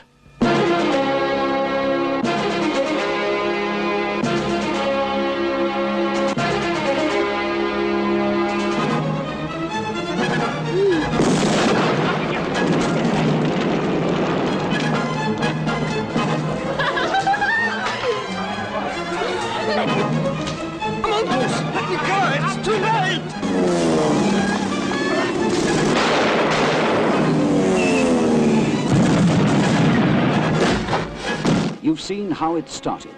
You'll never forget how it ends. Survival Run, a war film with a difference. Fenomenale, uh, grootschalige Nederlandse film. Een van de grootste Nederlandse films ooit gemaakt, hè, nog steeds. Uh, waar behalve alles uit de kast trekt om te laten zien dat ook hier in Nederland een een film in het formaat van Hollywood kan worden gemaakt. Uh, met Rutger Hauer natuurlijk in de rol van Erik Zadelhoff, de verzetstrijder, die uiteindelijk ook aan de zijde van uh, koningin Wilhelmina uh, komt te staan. ja, wat kan ik zeggen over deze film? Ja, het verhaal is al, al, al onbekend. Rutger Hauer is, is geknipt voor de rol. Hij was in eerste instantie, wilde Paul Verhoeven iemand nieuw voor de rol. Maar Hauer wilde en moest en zou die uh, rol hebben. Dus hij heeft Paul vaak benaderd. En gevraagd van, kan ik niet toch een screen test doen? Kun je me niet de kans geven om te laten zien dat ik geschikt ben voor die rol? Uiteindelijk kreeg hij de kans. En was het voor Paul Verhoeven ook een klare zaak van, oké, ja, dit, dit kan niet anders. uh, het is wel de zoveelste film met Rutger die ik ga maken, maar dit, hij is het gewoon. En dit was natuurlijk ook uh, uh, het, het start zijn voor Rutger Hauer om door te breken in Amerika, want de film wordt ook in Amerika uitgebracht. In twee versies. De nagesynchroniseerde versie in het Amerikaans. Die was een stukje korter en meer actie georiënteerd. En de, de originele versie met uh, Engelse subtitles. En zeg maar de soort van filmhuisversie. Die werd ook uitgebracht in Amerika. En die film won uiteindelijk ook prijzen. En Rutger Hauer heeft zelf ook prijzen gewonnen voor die film. Ook in Amerika, ook in Nederland. Uh, dus die film betekent in heel veel opzichten heel veel. Ook voor de, de carrières van Dirk de Lind. Uh, en voor Jeroen Krabbe. Maar vooral voor Rutger Hauer en ook voor Paul Verhoeven. Dat de ogen in Amerika werden geopend voor deze grote filmmakers. De soundtrack is onvergetelijk natuurlijk. Um, ja, er is al genoeg over gezegd. Voor mij nummer 6, Soldaat van Oranje. Ja, mooie nummer 6. Uh, ik heb ook een hele mooie nummer 6, vind ik zelf. En jij hebt hem ook in je top 10 staan. Dat vind ik dan wel weer grappig. Want het is toch wel echt een underrated, onbekend pareltje, vind ik zelf. Uh -huh. uh, mijn nummer 6, Split Second. Aha! Oh, wat ja. hoog! Ja, hij staat hoog. Hij staat hoog. En dat, dat komt, uh, Split Second heb ik als... Uh, daar zit een stukje emotie bij. Ik heb die film uh, op je hele jonge leeftijd gezien. En toen vond ik het al super indrukwekkend. Want het is eigenlijk gewoon een, een goedkope rip-off van Alien. Zo moet, kan ik het misschien het beste omschrijven. Maar uh, ja, een soort aliens uh, is het. Maar de, net even wat anders dan. Nee, ik heb die film op jonge leeftijd gezien. En uh, op, op latere leeftijd ook. En ja, de Split Second was één van die Rutger Hauer films. Ik zou en moest hem op DVD hebben. En ja, heel veel is uitgebracht en heel veel ook niet. En uh, ja, toen die, toen die uitkwam op DVD heb ik hem natuurlijk gewoon gekocht. Echt de meest belabberde versie, denk ik, die je kunt verzinnen voor full prijs. Ik denk dat DVD's toen 20, 30 euro waren. En uh, ja, sindsdien, ik kijk hem elk jaar op zijn minst wel één keer. Het is zo... En hoe komt dat? Rutger Hauer speelt dus de rol van Stone. En je had het al een beetje gezegd, dat het een beetje een paranoïde politieagent die, die, die ge zwaar getraumatiseerd is. Zwaar bewapend op de, op de straten van Londen rondzwerft. Uh, leeft op koffie en chocola. Want meer ja, ook dat ook eet, ja. Ja, want meer eten en drinkt hij gewoon niet. En hij is dus op zoek naar dat monster. En hij heeft daar dan ook een soort uh, verbindenis mee. Hij voelt hem aan, hij kan hem horen. En dat is toch zo indrukwekkend aan die film. Want je hoort eigenlijk op het moment dat er een spannend moment gaat aanvangen. Dan hoor je dat hart, de hartslag van dat beest. Ja. Van dat wezen. En dan dun, dun, dun, dun. En dan weet je gewoon, oh, dan komt dit zo'n scène, jongen. Heen. Dan wordt weer splatter en bloed en... Uh, al het geweld wat je maar kunt verzinnen. En, en Rutger Hauer gaat natuurlijk helemaal uit zijn stekken. En dat ja. doet hij ook echt een paar keer. Ja, ik, ik denk dat hij met deze film al heeft bewezen dat, dat, dat, dat hij echt wel een rol van een mafkees kan spelen. Dat had hij al natuurlijk veel eerder al een aantal keren gedaan. Maar ja, Split Second heeft voor mij gewoon een speciaal plekje in mijn hart. En uh, ik hou heel erg van futuristische films die hè, een soort dystopie afspelen. Dat, dat is al een beetje een split second zo. Hoewel het ook weer heel realistisch is. Hè. Het zou echt wel bijvoorbeeld morgen kunnen zijn dat, die, dat Londen er zo bij ligt. Hè, half overstroomd en uh, hè, heel veel water, regen en uh, hele, hele donkere, naargeestige setting. Waar het dan allemaal afspeelt. En hij zit ook in een of andere shithole. Waar, uh, waar de duiven alles onderpoepen en uh, waar geen normaal bankstel staat om even op uit te kunnen rusten. Ja, fantastisch. het is echt. Uh, en dan ook die, die comedy, hè, het, is een soort ook, het is ook tegelijkertijd een beetje buddy cup film. Want hij moet natuurlijk. Buddy Cup, Buddy Cup film. Ja. Want hij moet, hij slaat de handen ineen met, met Dick, Dick politieregisseur Dick. En dat is natuurlijk echt zo'n nerd Beetje, beetje kantoorpikkie, loopt in zijn pak en zijn stropdas. eh, en dan loopt Stone ernaast in zijn leger, eh, lege kisten en zijn zwarte regenjas. En eh, ja, hun moeten samen dus de strijd aan met dat beest. Ja, fantastisch. Echt, eh, Ja. Maar Dick ja. heeft wel een mooie ontwikkeling, vind ik. Ja, dat wordt natuurlijk ook zo'n mafkees. Ja, fantastisch, hè. Dus, eh, hè, dus eh, I teach you to learn, to learn vulnerable and you teach me to, to, to learn to be brave, weet je wel. Ja. Ja, weet je, dat principe, ja, dat is echt eh, fe- fenomenaal gewoon. En ja, eh, acteerwerk is, eh behalve van Rutgauer, maar het acteerwerk is verder niet, niet, niet, niet superieur. Special effects en make-up effecten zijn goed, oké. Maar het is, het is niet hoogstaand cinema, maar het is wel echt. Het entertainmentgehalte is zo hoog van deze film. Ja, dat is echt prachtig. Ja, ja. Dus en wat vandaar- ik mooi vind ook, is dat, is dat is typisch het B-jaren 90 film. ja, dat over- soms een beetje overbelicht. Te veel rook in steegjes. Dan denk ik, waar komt die rook nou vandaan? Het klopt helemaal niet. Alsof daar een, heel- he- een hele foute videoclip van Michael Jackson zit. Ja, ja, ja. Dat is, dat is dat, heel, veel ja. Heel veel van die, ook van die eh eh, vervolg horrorfilms en horror franchises uit de jaren negentig hebben dat heel erg. Dat, soms te veel overbelicht, te veel rook. Waar, waar komt dat rode licht ineens vandaan in die kamer? Weet je, wat, wat- waar? Weet je, dat soort gekkigheid. Maar dat, dat, dat is wel de charme van die, eh, van die films. Ja. En, ja, en daar kan ik echt van genieten. Ja, leuk. Leuk dat hij hem zo hoog gaat staan. Leuk. Fantastisch. Met nummer 5, top 5. Top 5, ja, dat gaat, eh, gaat alweer Ja. hard. Ja, mijn nummer 5 is Nighthawks. Nighthawks was zo'n film in de videotheek. Die zag ik altijd staan met Sylvester Stallone en Rutger Hauer. eh, samen eh, op de cover met een grote gun tussen hen in. Ik oh, die film wil ik zo graag zien, maar ik mocht hem nooit huren. Uiteindelijk gezien en echt zo van genoten.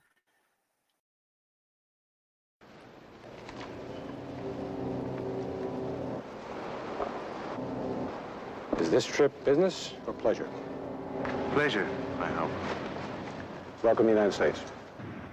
Hamer Reinhardt, sometimes called Wolfgar. Born Frankfurt, Germany, 1946. Educated Paris and Patrice Lumumba University, Moscow. Currently self-employed. Occupation, international terrorist.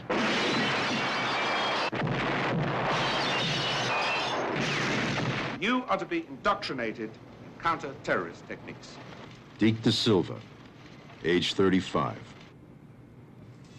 Born and raised New York City.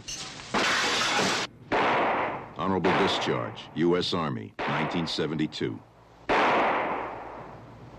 52 registered kills. Occupation, cop.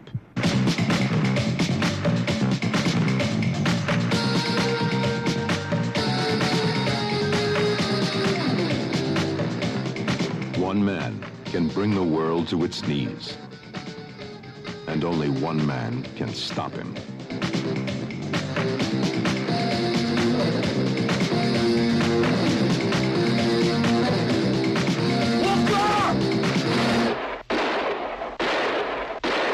Universal Pictures presents Sylvester Stallone in Nighthawks, coming in April.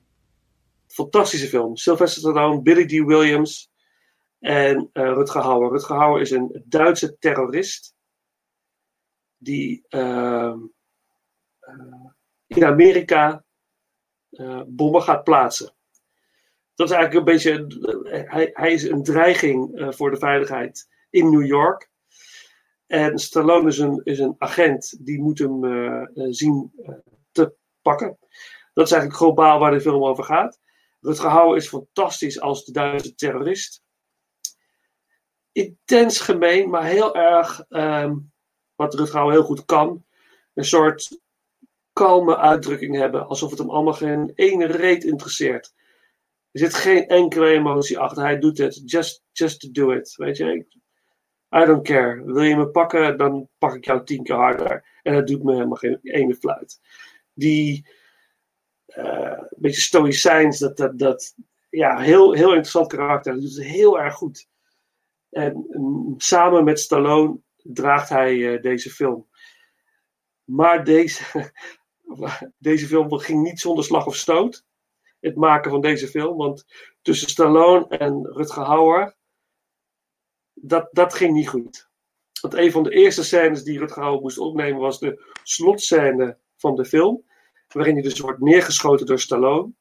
En ze wilden het effect hebben dat hij zeg maar, werd weggeblazen. Echt waf, werd naar achteren werd geblazen door, de, door het schot van uh, Stallone. Dan was er een hele stellage gebouwd. Waar, waar, hij zat vast aan een soort stellage. Het was afgesteld op een bepaalde snelheid. En daarmee zou hij worden weggeblazen, weggetrokken. Om dat effect te creëren. Dus ze hadden dat een aantal keer hadden ze dat gerepeteerd. En uh, dus Rutger Hauer in die stellage een paar keer naar achter geschoten. Nou, voelt goed. Oké, okay, uh, do you want to do the shot? Ja, oké, okay, we'll go do the shot. Oké. Dus, uh, nou, iedereen ging zich voorbereiden. Even schmink, griem bijwerken.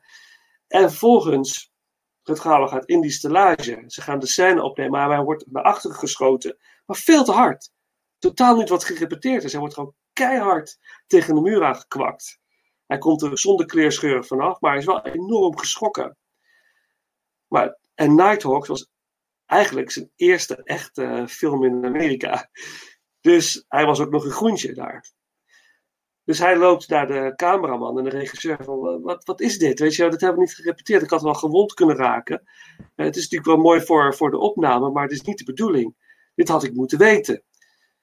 En uh, ja, ja, met een beetje blikken naar Stallone. Want de regisseur van de film was Gary Nelson. Gary Nelson, Gary Nelson. Maar de eigenlijke regisseur was Sylvester Stallone, natuurlijk. Die had de touwtjes behoorlijk in handen. Dus Rutger Hauer gaat naar Sylvester Stallone. Een mega, mega ster op dat moment. En hij kijkt hem in zijn ogen en hij zegt van...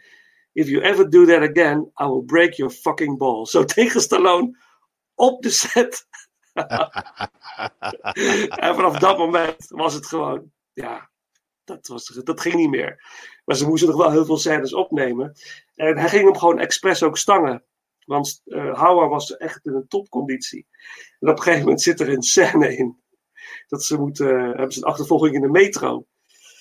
En dat gaat, ja, dat gaat hard. Dus ze moeten echt keihard rennen. En dat moet allemaal mooi op camera. Dus uh, vroeg aan de regisseur, kan ik, kan ik alles geven wat ik heb?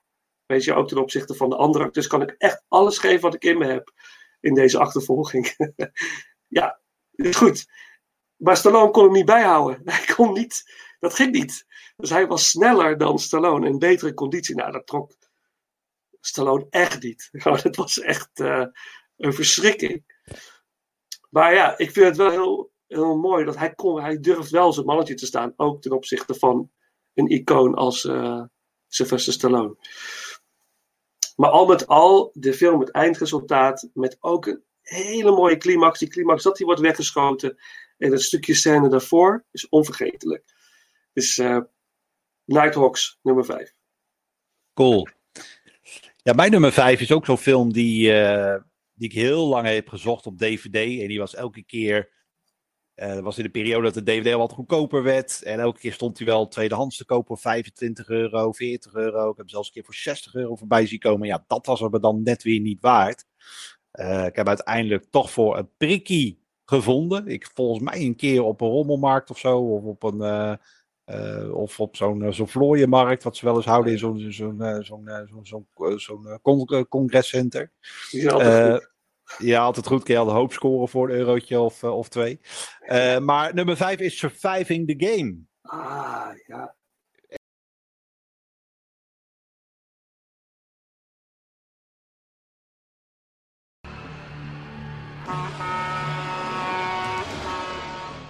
Why would you want to kill yourself? Maybe I like the idea of choosing when I die instead of having somebody else choose for me. If someone offered you a good job, would you be interested? What kind of job are you talking about? We need someone to help us with our hunts out in the wilderness. Are you sure about this one? Oh, I'm sure. Have you got courage? Gentlemen, I would like you to meet our new hunting guide, Mason. Here's a toast to the hunters and a prayer for the hunted. the hunt begins now. Just let me get the door for you. We're not really going to hunt him, are we? He's nothing. He's less than nothing. Come on, Mason! I won't take any part in this. I want you! If you make it to civilization, you live. If you don't, ah! maybe God will have mercy. I think he's gone back to the cabin. None of them has ever done that before. Mr. Mason. What's that smell? Everybody out of the cabin!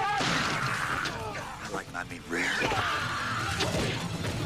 Try well done, bitch. Jack Mason knows he's going to die someday. Damn, I wish I'd never started smoking. But today, he's not in the mood. This is where it gets interesting. Never underestimate Come on, Mason! a man who has nothing to lose. Rutger Hauer, Charles Dutton, Gary Busey, F. Murray Abraham, William McNamara, and Ice-T. Surviving the Game. Directed by Ernest Dickerson. En dat is toch wel, ja, die, die cover alleen al, dan zie je die ogen en dat, dat, dat, dat gesminkte gezicht met die gele letters er dan zo die eruit poppen. Een beetje ons logo, zeg maar. Dat, eh, ja, vet. En eh, die stond altijd dat je de videotheek en dan nam ik hem wel eens mee en dan keek ik hem weer. En eh, ja, daar speelt Rutger Hauer de hoofdrol. eh, samen met eh Ice-T. Ja, Ice-T speelt, eh, speelt dan ook een eh, rol erin, een hoofdrol. En Rutger speelt, eh, speelt Thomas. En Thomas is een beetje een decadente, chique man met een hoop geld. Maar een jager in hart en nieren. Maar ja, jagers jagen natuurlijk normaal op, op, op wild. En deze jagers, dus Thomas en zijn vrienden, jagen op mensen. Die ze betalen om ja, in, een, in een gebied eh, zich te verstoppen en te vluchten. En hun moeten dus met hun geweren eh, hun prooi zien te vangen. Nou, dat vind ik als een super interessant concept. Ehm beetje diezelfde periode kwam ook Hard Target uit met Jean-Claude eh, Jean-Claude Van Damme. Beetje soortgelijke film ook, waarin, waarin mensen inderdaad worden opgejaagd en tegen betaling zich laten neerschieten. Hele interessante film ook. Ehm, maar dat is Surviving the Game ook. Maar het is tegelijkertijd echt bij vlagen zenuwslopend. Dat je echt helemaal ingezogen wordt. En die spanning en hè, dat aftasten van elkaar. eh, van goh, hè, waar, waar, zal, waar zal dat prooi weer uithangen? En dat prooi bedenkt er weer plannen om die jagers weer van zich af te houden. En dat is een beetje het kat-en-muisspel wat die hele film doorgaat.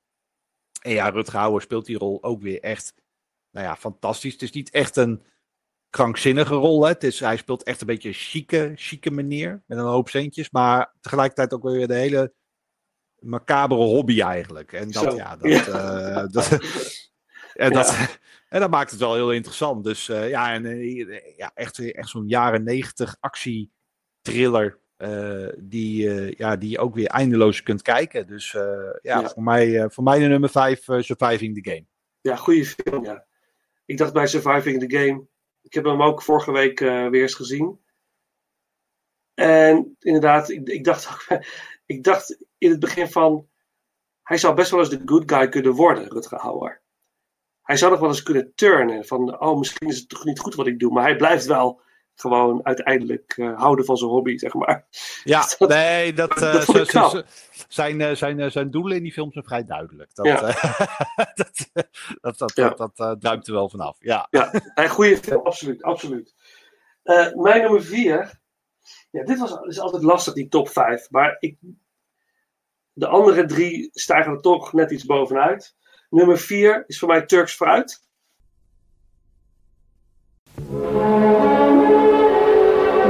An ultra modern love story for adults only.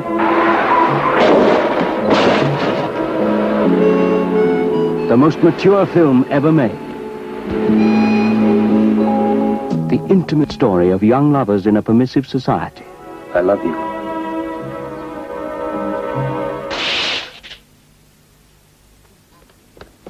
Just what is he doing here, Olga? A girl who defies her parents. And a boy who defies the world. Share an experience of unforgettable beauty and passionate conflict. I want to see her, and I'm going to see her, even if I have to burn your sword out.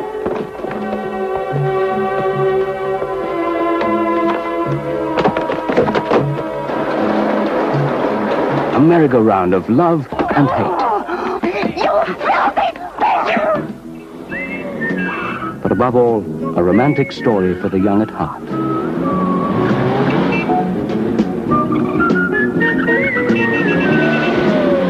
Are you nuts? Congratulate us. We're married. A fascinating film with provocative and shocking scenes we cannot show you in this trailer. The film everyone's talking about.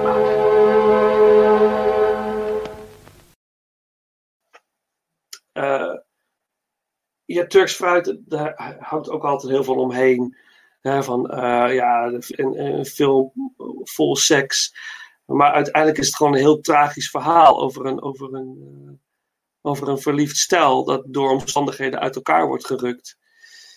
En uh, een verboden liefde eigenlijk. En Rutger en Monique van der Ven, ze, worden, ze komen elkaar tegen, worden verliefd op elkaar.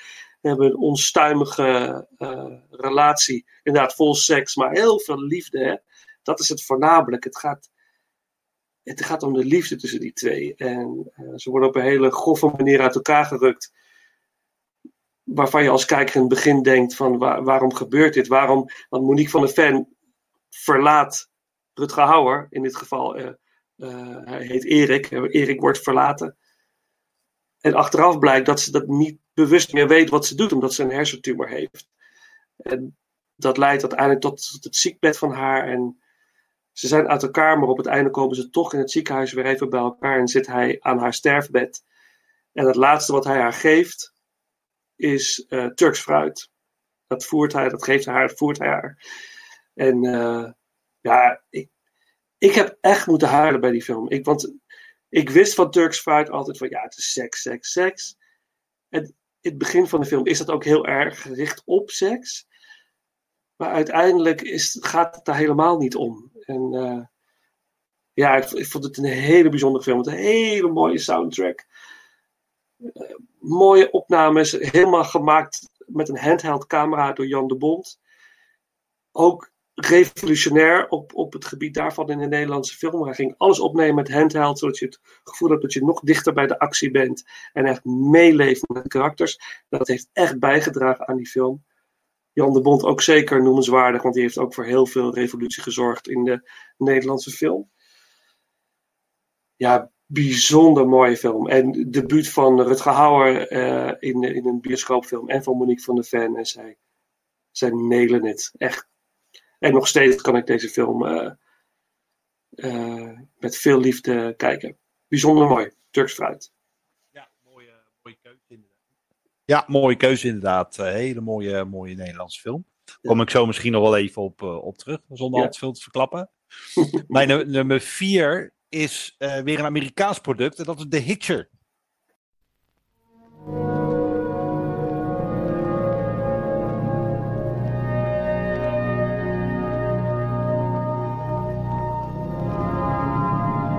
Heading west on the long, lonely highway, only his dreams for company. Until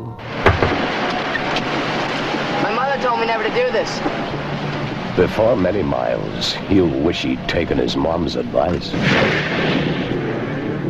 When Jim Halsey let the hitcher into his car, he opened the doors of hell.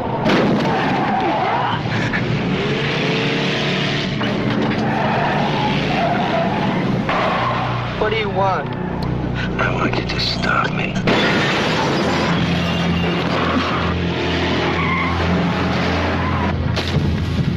Once you've met the hitcher, you'll never pick up another.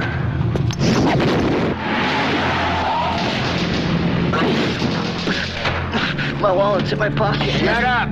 We know how to do it. Jesus! Why are you doing this to me?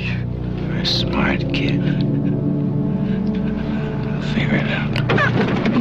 I didn't do it. I didn't do any of it. I'm not a killer.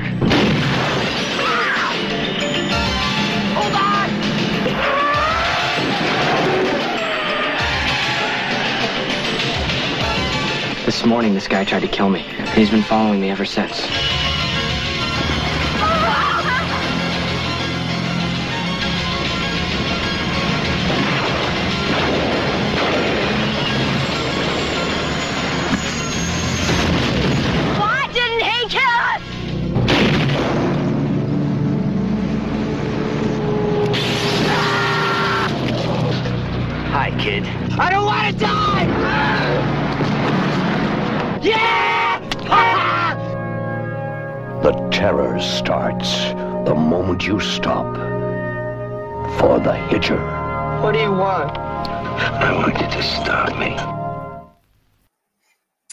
En daarin speelt John, eh, eh, sorry, speelt Rutger Hauer de rol van eh, ja, John Ryder.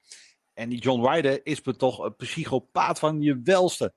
Eh, ja, dit, het begint eigenlijk met gewoon een, een, een simpel shot van iemand die op een verlaten Amerikaanse, willekeurige Amerikaanse weg rijdt.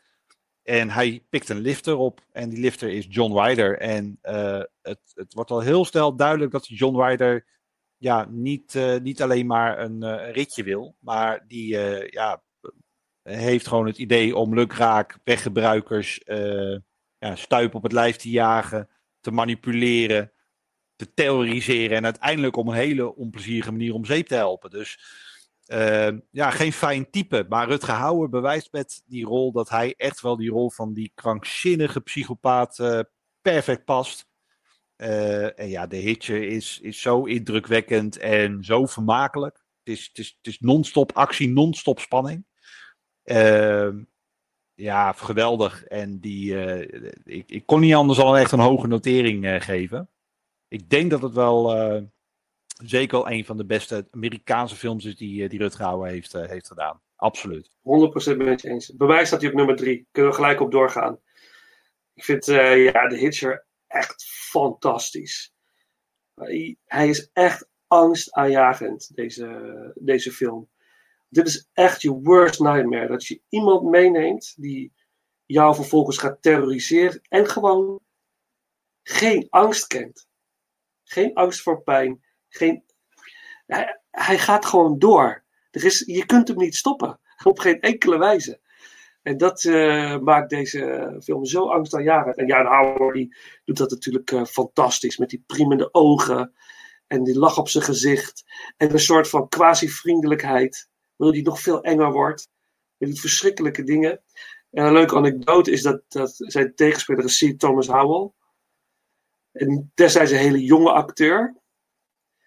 En die was op de set oprecht bang voor Rutger Hauer. Hij was echt, echt bang voor hem.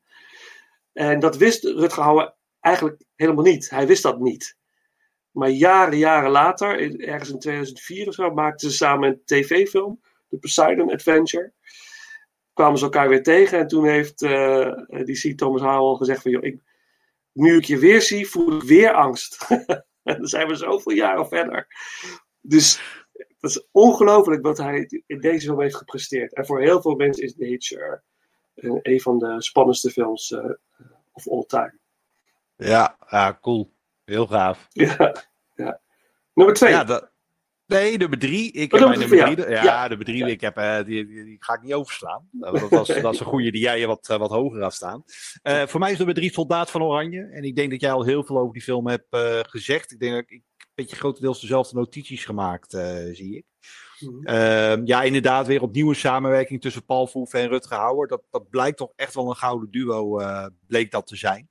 Ehm, en ja, ik wist niet dat, eh, dat Paul Verhoeven eigenlijk liever iemand nieuw wilde hebben in de hoofdrol. Eh, ik denk dat Rutger Hauer die, die rol van, van, van Erik echt...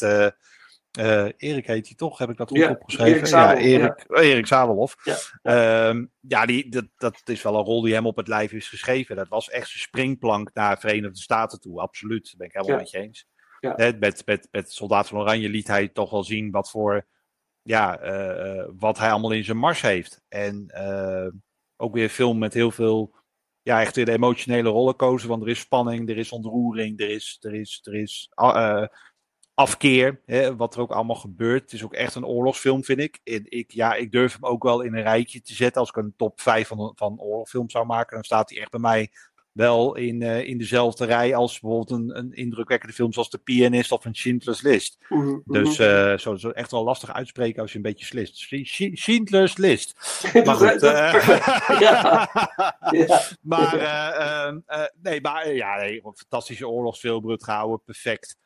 Eh Jeroen Cabé speelt heel indrukwekkend. Goed gefilmd door, door, eh, door Paul Verhoeven, goed, eh, goed in elkaar gezet. Mooi verhaal, waarheid gebaseerd. Ja, ik denk dat je alles hebt, uh, hebt gezegd. Ja. En uh, bij mij staat hij gewoon wat hoger, omdat ik het echt een hele indrukwekkende film vind. Dus Ja. uh, mijn nummer drie is uh, Soldaat van Oranje. Mooi. Mijn nummer twee is een film die ik uh, vorige week voor het eerst heb gezien. Ik wist uit de biografie dat het een van zijn favoriete films is. Zijn favoriete rollen. Maar ook weer heel moeilijk om aan te komen. Maar uiteindelijk is het gelukt en ik heb hem gezien. Het is een uh, film gemaakt in 1988 door een Italiaanse regisseur, Ermano Olmi. En Hermano Olmi heeft altijd heel veel films gemaakt. En hij maakte vooral films met amateurspelers. Mensen die, die op straat tegenkwam. Om zo'n authentiek mogelijke film te maken. En op een gegeven moment werd hij ziek. Meneer Olmi werd ziek. En die bleef in bed. Hij heeft een, twee jaar in zijn bed gelegen. En niemand wist wat er met hem aan de hand was. Doktoren erbij. Uh, er was eigenlijk niks met hem aan de hand. Maar hij, hij kon niet meer lopen. Als hij opstond, dan viel hij om. En hij sprak moeilijk en weinig. En op een, op een ochtend staat hij ineens op uit zijn bed, alsof het een wonder is. En hij gaat zijn dagelijkse routine uh, gaat hij in. En uh, zijn vrouw van, wat is dit? Wat is dit, hermano? Weet je, hoe kun je nu ineens weer lopen? en toen had hij gezegd, ja, ik heb, uh, I have an idea. Ik heb een idee. I'm gonna make a movie. Weet je, gaat hij, ik, ga, ik ga weer een film maken. It's called The Legend of the Holy Drinker. Zei hij, this is going to be a great movie. In het Engels ging hij het maken. En, uh, en hij, hij wilde in ieder geval met één professionele acteur werken. En hij zat in Italië in zijn huis. En uh, Rutger was in, uh, ter promotie van The Hitcher. Was die in Italië en was in een Italiaans tv-programma. En uh, Olmi zat te kijken en zeggen: That's the man I want, that man in my movie. Weet je, die, die, die man moet het zijn. Hij wist niet wie het was, maar hij, hij zag het aan zijn gezicht. Die man moest het worden. Dus, uh, en toevallig, of niet toevallig, Rutger Hauer was een groot bewonderaar van uh, deze regisseur. En ze hebben de handen ineen geslagen en zijn een film gaan maken, The Legend of the Holy Drinker. Volledig opgenomen op, in de straten van Parijs. Hauer speelt een dakloze alcoholist. Die slaapt onder een brug. En op een ochtend komt hij onder zijn brug vandaan. En komt hij een man tegen, een wat rijke man. En die vraagt aan hem: Kan ik jou ergens mee helpen? Ik zie dat je het moeilijk hebt. Uh, heb je iets nodig? Wil je geld? En uh, de Holy Drinker, uh, het gehouden, is heel bescheiden, gewoon een nette man. Hè? Dus geen, geen bad guy, wat maar een hele hele nette, fatsoenlijke man zegt: Nee, het hoeft niet. Maar toch krijgt hij 200 frank van, van deze man. Krijgt hij goed in zijn hand. Nee, dit is voor jou om jou te helpen. Het enige wat ik van jou vraag is: als je het ooit een keer kan terugbetalen, wil ik dat je het schenkt aan de kleine Teresa in, in een bepaalde kerk in Parijs. I can't help seeing that just for the moment you're in, you're in some difficulty, in need of money. No, uh, don't be offended. Please, no offense. It can happen to anybody. Now, I have more money than I need. Please, please, hmm? won't you tell me how much you, you want just, just, just to be going on with? Hmm? Just tell me. 20 francs wouldn't be bad. You'll need more than that. You'll need at least 200. 200. 200 francs, of course, would be a lot better. I can't accept it. Why not? Because I wouldn't know how to pay back that kind of money. You couldn't come after me to ask for it. I haven't got a house. I sleep under the bridges. Every night, under the bridge. So. But I'm a man of honor. I know how to behave. I just don't have an address, that's all. I have no address either. Can't even tell you the name of a bank. No. Do take this money. No. You see? No. ridiculous amount of money in any case for, for a man like you. And I... know. I know you're a man of honor. So, when you're in a position to repay the money, will you do me the favor that I was speaking of? You see, I must confide to you something extraordinary. I read the story of little Therese, the saint of Lisieux. Hmm? And ever since, I've been living a miracle. A real miracle. The miracle of conversion. And that's why I've decided to come and live the life of the poor. To live like those who come to spend the night under the bridges. Now, I'm particularly devoted to the small statue of little Therese. It's in the church of Sainte Marie de Batignolles. Uh, you can't miss it. It's in the right-hand nave, as you along the wall. Me? Yes, but uh, don't uh, don't worry. But as soon as you can. Yes, when you're in a position to repay the money. That is, uh, if your conscience won't allow you to remain in debt, then take the money and put it in the hands of the priest at the end of Mass. Because if there is anyone to whom you'll be in debt from this moment on, it is to little Therese. Dat een, een, een, heilige, kleine Therese. En hij belooft dat. En vervolgens, hij gaat dus hij gaat weer eten van die 200 frank, hij gaat weer, in, kan weer iets drinken. En hij komt vanaf dat moment steeds allerlei mensen tegen die hem verder helpen op zijn weg.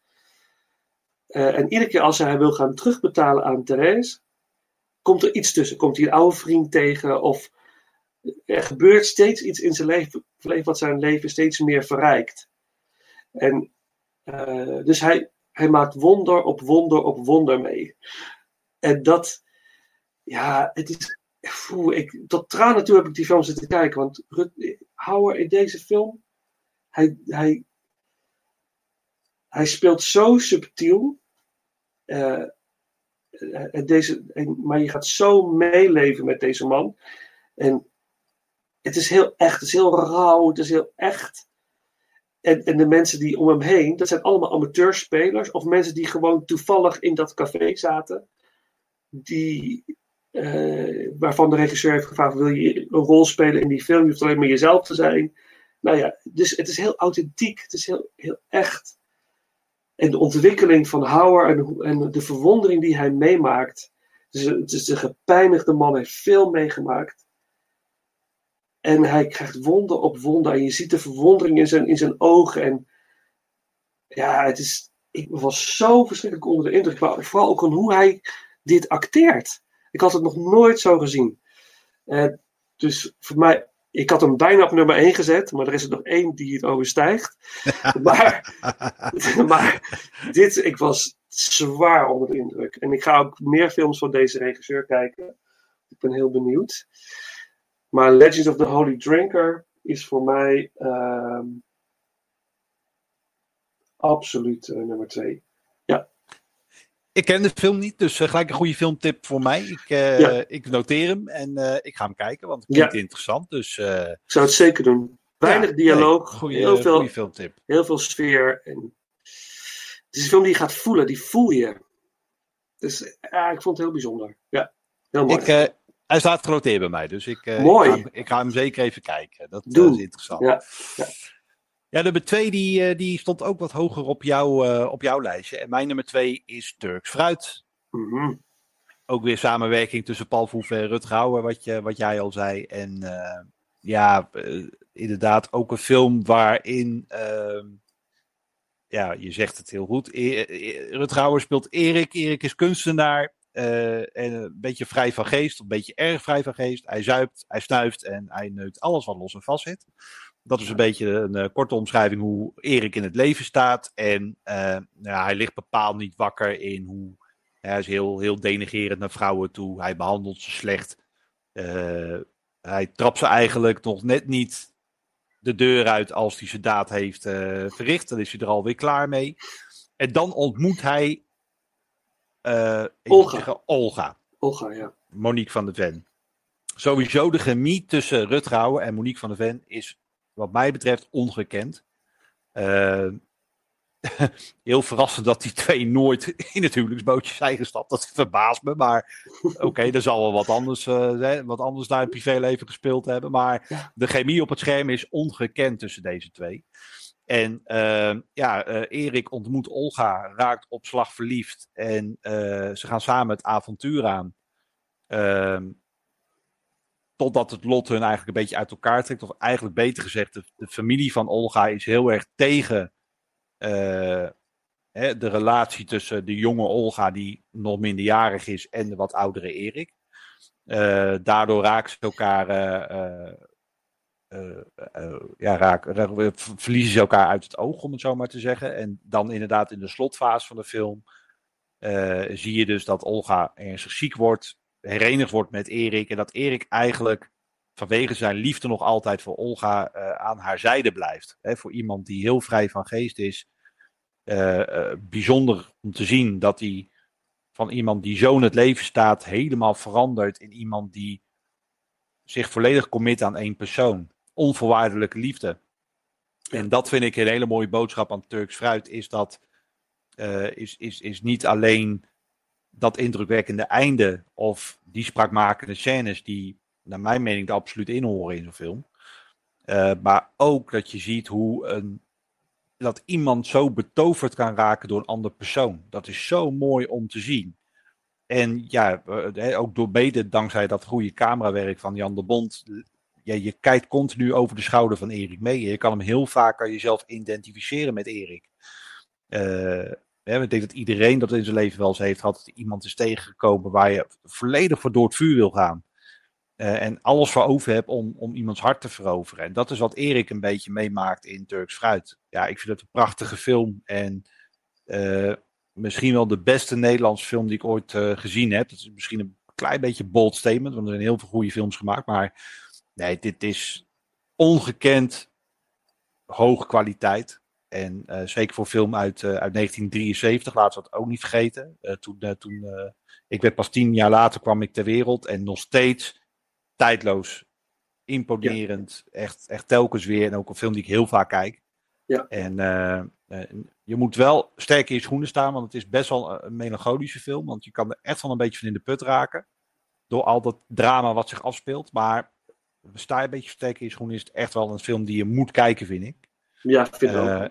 Echt bijzonder stukje Nederlands filmgeschiedenis. Dus uh, voor mij de nummer twee, Turks Fruit van, van, van Paul Verhoeven. Ja. ja, ik, ik heb zo'n flauw voorgevoel. ik denk dat onze, onze ene gedeelde ja, de, ik de, denk, één, dat, dat denk ik ook. is. Dat Dat, dat, en dat, dat, in mijn optiek kan dat ook niet anders. Maar jij mag Nee. het spits afbijten. Mag ik zeggen, ja, ja, nou ja, dat, Ja. voor mij is het eh, absoluut eh, 100% Blade Runner.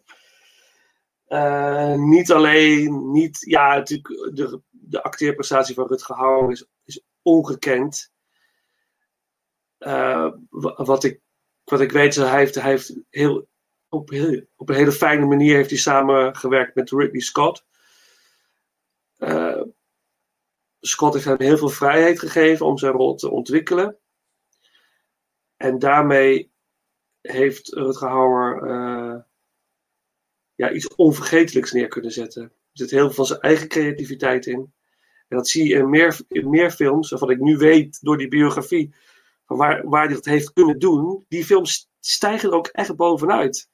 Eh, wat vorige keer bij Tarantino erover, van geef acteurs de vrijheid om te acteren. Laat ze creatief meedenken. En je stijgt tot ongekende hoogtes. Dat gebeurt nu ook in, eh, in Blade Runner. Eh, Deze film werd wel geplaagd, want er waren destijds heel veel stakingen, acteurstakingen. Dus die film moest op een heel rap tempo worden opgenomen. Lange werkdagen, intensief.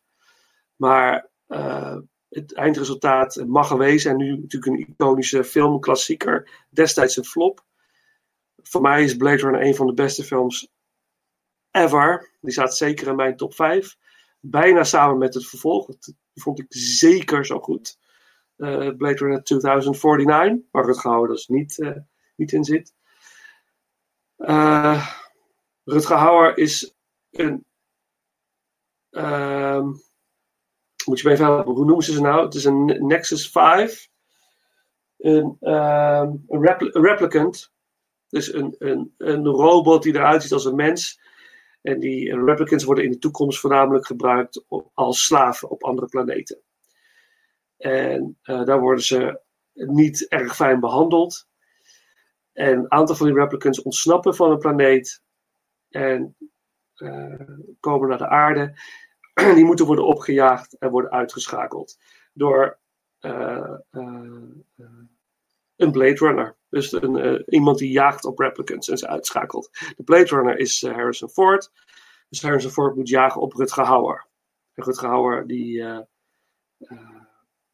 wil het liefst als replicant zo lang mogelijk in leven blijven, maar heeft maar een korte levensspanne van een aantal jaren. Dus hij gaat op zoek naar zijn creator om te kijken of hij meer levensjaren kan krijgen. Dus hij geeft eigenlijk, en wat Rutger heel mooi doet, doet met deze rol, is hij geeft hem iets menselijks. De replicant. Het is niet alleen maar een robot. Maar toch, en dat is het mooie, dat het is een programma dat zich afdraait, want het is een robot. Maar het lijkt wel alsof deze replicant net iets verder gaat. Alsof er, alsof er een soort menselijk bewustzijn in hem zit. Wat er eigenlijk niet is. Dus dat maakt het een heel bijzondere kijkervaring. Hoe hij, verwarrende kijkervaring soms ook. eh, eh, hoe hij deze, deze replicant neerzet. Met een onvergetelijk einde. Hij een mooi poëtisch stuk eh, improviseert. Ook een idee van eh, Rutger Hauer zelf om het zo te doen. Eh, ja, misschien kun jij me aanvullen, maar ik, ik, vind, ik vind het een onvergetelijke film, een onvergetelijke rol. En eigenlijk nog niet, niet geëvenaard. En dat vindt hij zelf trouwens ook, wat ik heb begrepen uit zijn woorden. Ja, Blade Runner staat niet bij mij op één, dus eh, ik kan je niet eh, aanvullen. Oh, niet? Nee hoor, geen grapje, Oh, Ja, ja, uiteraard, staat Blade Runner. Ik denk, wat staat er nummer 1? Oh, Wanted Dead or Ik denk, Alive eh, misschien. Even, Ja. even, een, eh, even, ja, most, most Wanted inderdaad. Ja, nee, of, eh, of, nee, of, eh, of eh, Corbin Nash of zo, weet je wel. Nee, dat, eh, nee, de, uit, nee, ja, kijk, eh, helemaal met je eens. Blade Runner is, eh, eh, ik denk dat je daar een hele podcast aan kan wijden, aan Blade Runner. Want het is een, een, een ongelofelijke historie wat er achter Blade Runner zit. Ehm, misschien wel leuk om even te vermelden. De mooiste versie van Blade Runner vind ik de theatrical version uit 1982 en niet de recuts die daarna zijn verschenen. Mhm. Eh, en daar zie je ook wel in het verhaal.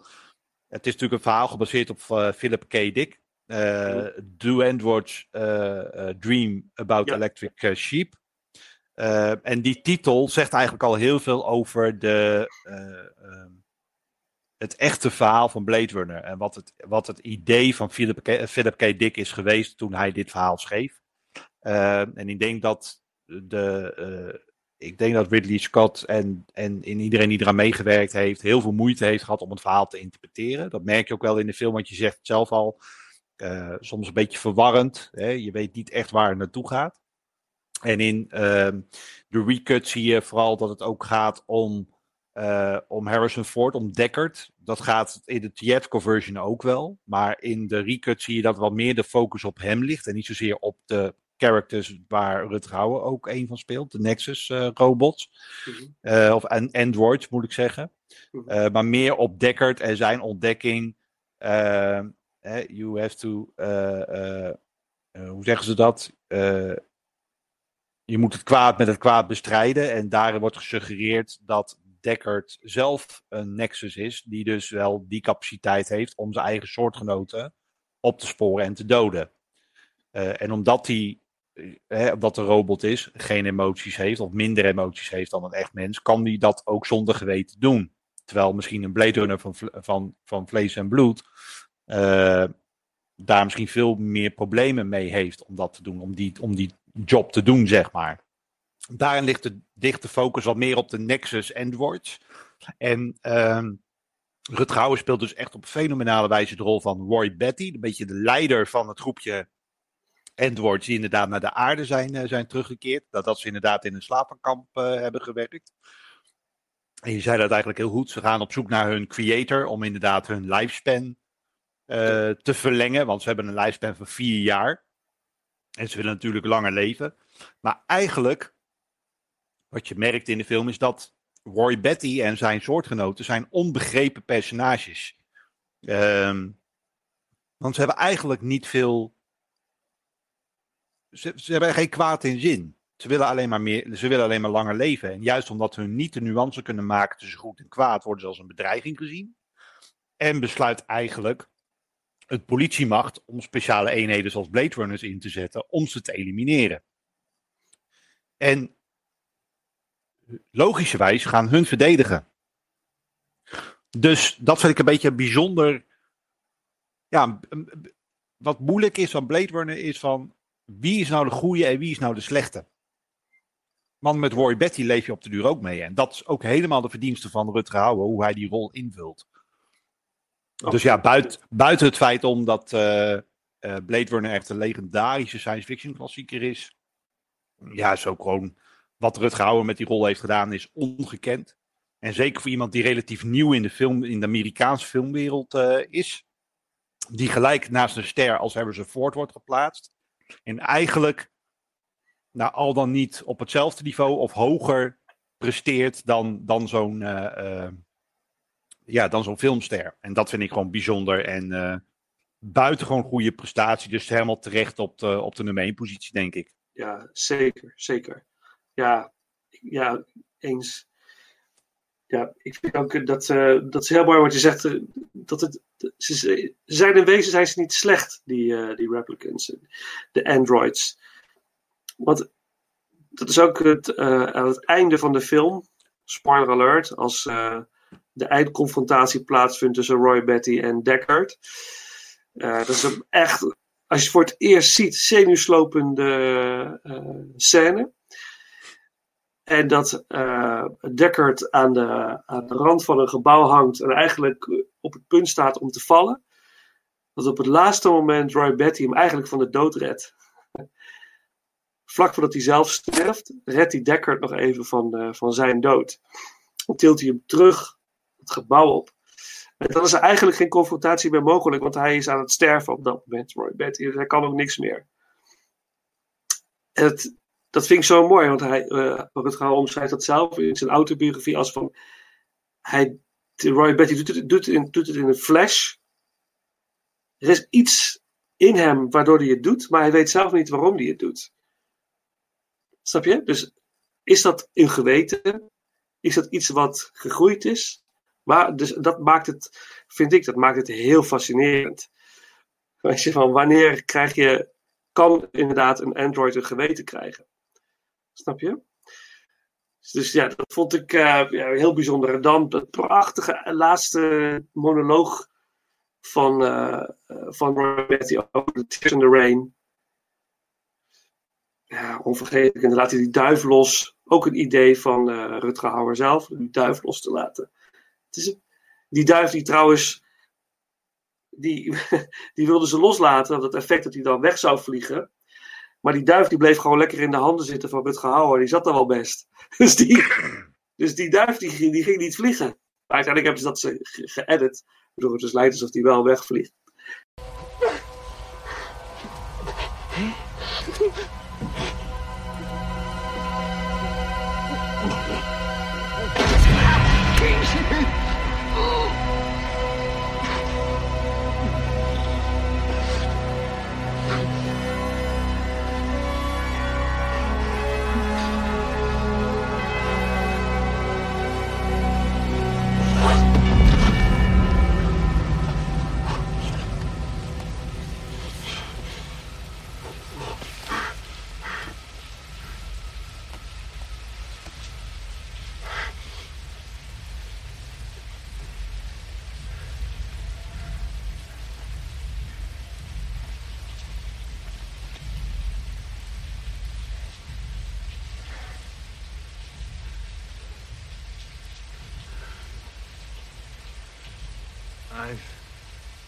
seen things you people wouldn't believe.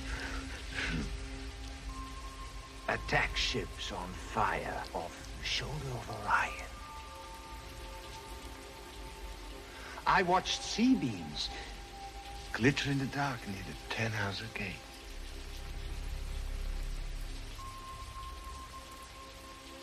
All those moments will be lost in time. Like tears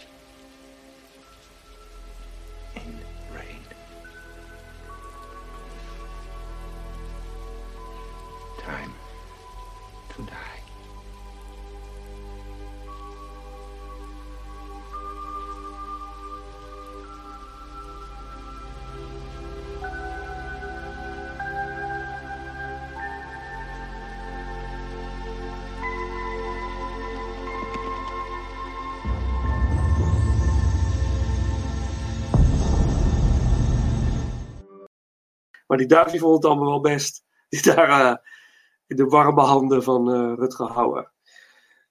Ja, bijzonder. Blade Runner, fantastisch, eh, welverdiende nummer 1. De nummer 1, ja, absoluut. Ja, dat is die weer rond. We zijn rond. Dat, wa dat waren onze persoonlijke top 10 lijstjes van, uh, van Rutger Hauer films. Ja, gaaf.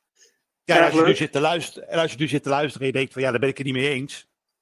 Ja, stuur, dan, stuur dan je eigen lijstje in. Hè. Uh, maak je eigen top 10 of top 5 van je, van je favorieten. En je kan ze via de website kan je ze, kan je ze insturen. Via ingloriousrankers.nl. Of, uh, of laat een comment achter op een van de social media kanalen. Dat kan natuurlijk ook. En dan uh, ja, zullen wij misschien in de volgende aflevering jouw toplijstje van Rutgouwen films bespreken. Absoluut. Dus stuur het in. Ja, en vooral dat als je het er niet mee eens bent, een hele andere nummer 1 hebt, alsjeblieft, het commentaar horen we graag. Ja, ben ik, uh, daar ben ik ook wel nieuwsgierig naar, inderdaad. Ja, uh, hè, van ja. waar, waarom vind je dan iets, uh, iets anders? Ja. Dus, dus nee, hierbij ook de oproep dat iedereen, ja, als je luistert, je lijstje instuurt. Dat zouden we hartstikke leuk vinden. Hartstikke leuk om te kijken wat, wat uiteenlop, uiteenlopende meningen zijn van, van filmliefhebbers. Maar dan nu, de grote vraag, wat gaan we de volgende ronde doen? Ja, daar ben ik ook wel benieuwd naar. Ja, dus ja, aan mij natuurlijk van, uh, wat gaat er de, gebeuren? De, de bal is in your court uh, deze ja, keer, ja. Ja, ik zou het graag met jou gaan hebben. Het wordt een kortere ranking, in de zin van, uh, het kan geen top 10 zijn, want er zijn er maar vijf. Ik ben op zich maar vijf films. Uh, je kunt er ook, je kunt de serie erbij tellen, maar dat, laten we dat niet doen. We kunnen het wel, misschien wel even kort over hebben, over de, over de serie. Laten we het vooral hebben over de bioscoop uitgebrachte films. Ik zou het graag willen hebben over uh, Hannibal Lecter. Oh, dat is cool. Ja, dus dan heb ik het over uh, Manhunter uit 1986 van Michael Mann. Silence of the Lambs. Hannibal, Red Dragon en Hannibal Rising. Cool. Dus uh, ik ben heel benieuwd naar jouw ranking van deze films. Uh, ik heb er al uh, hele leuke discussies over gehad met mensen over mijn favoriet. Dus dat, wordt, dat kan leuk worden. Dus ja, dat is mijn, mijn keuze voor de volgende ronde. Ja, mooie, mooie challenge. Nou ja, goed, films ken ik erg goed. Ik denk dat ik nog een paar even moet herwatchen. Mm -hmm. Manhunter is al een hele tijd geleden. Silence of the Lambs en Hannibal zijn eigenlijk wel elk jaar ook wel vaste prik. Ze komen elk jaar wel een keer voorbij, denk ik. Is het niet gedeeltelijk op tv? Mm -hmm.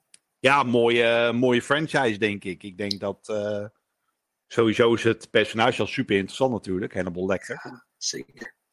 Dus, uh, dus ja, nee, ik. Uh, cool, gaan we doen. Over twee weken nice. gaan, we, nice. gaan, we, gaan, we, gaan we Hannibal Lecter bespreken. Cool. Mooi. Mooie nou, keus. Mooie keus. Goed. Nou, dat was het dan. Dat was het. Ja, deze... ja, ja, het, het is, hij staat er weer op. En ja, iedereen bedankt voor het luisteren. Uh, vergeet niet om uh, onze social media kanalen te volgen of te liken. Of een duimpje omhoog voor deze podcast. Zouden we enorm waarderen. Uh, we zijn al op verschillende kanalen te vinden. Waaronder op, uh, op Facebook, Instagram. Maar we hebben ook een account op Soundcloud. We zijn te luisteren op Spotify en Apple Podcast. En natuurlijk onze eigen website www.ingloriousrankers.nl. Uh, dus uh, leuk als je ons, uh, ons volgt, liked of, of in ieder geval iets van, iets van je laat horen. Zouden we hartstikke leuk, leuk vinden. Yes. Nou, Paul, bedankt. Was leuk. Jij ook bedankt. Bedankt luisteraars. En tot over twee weken. Tot over twee weken.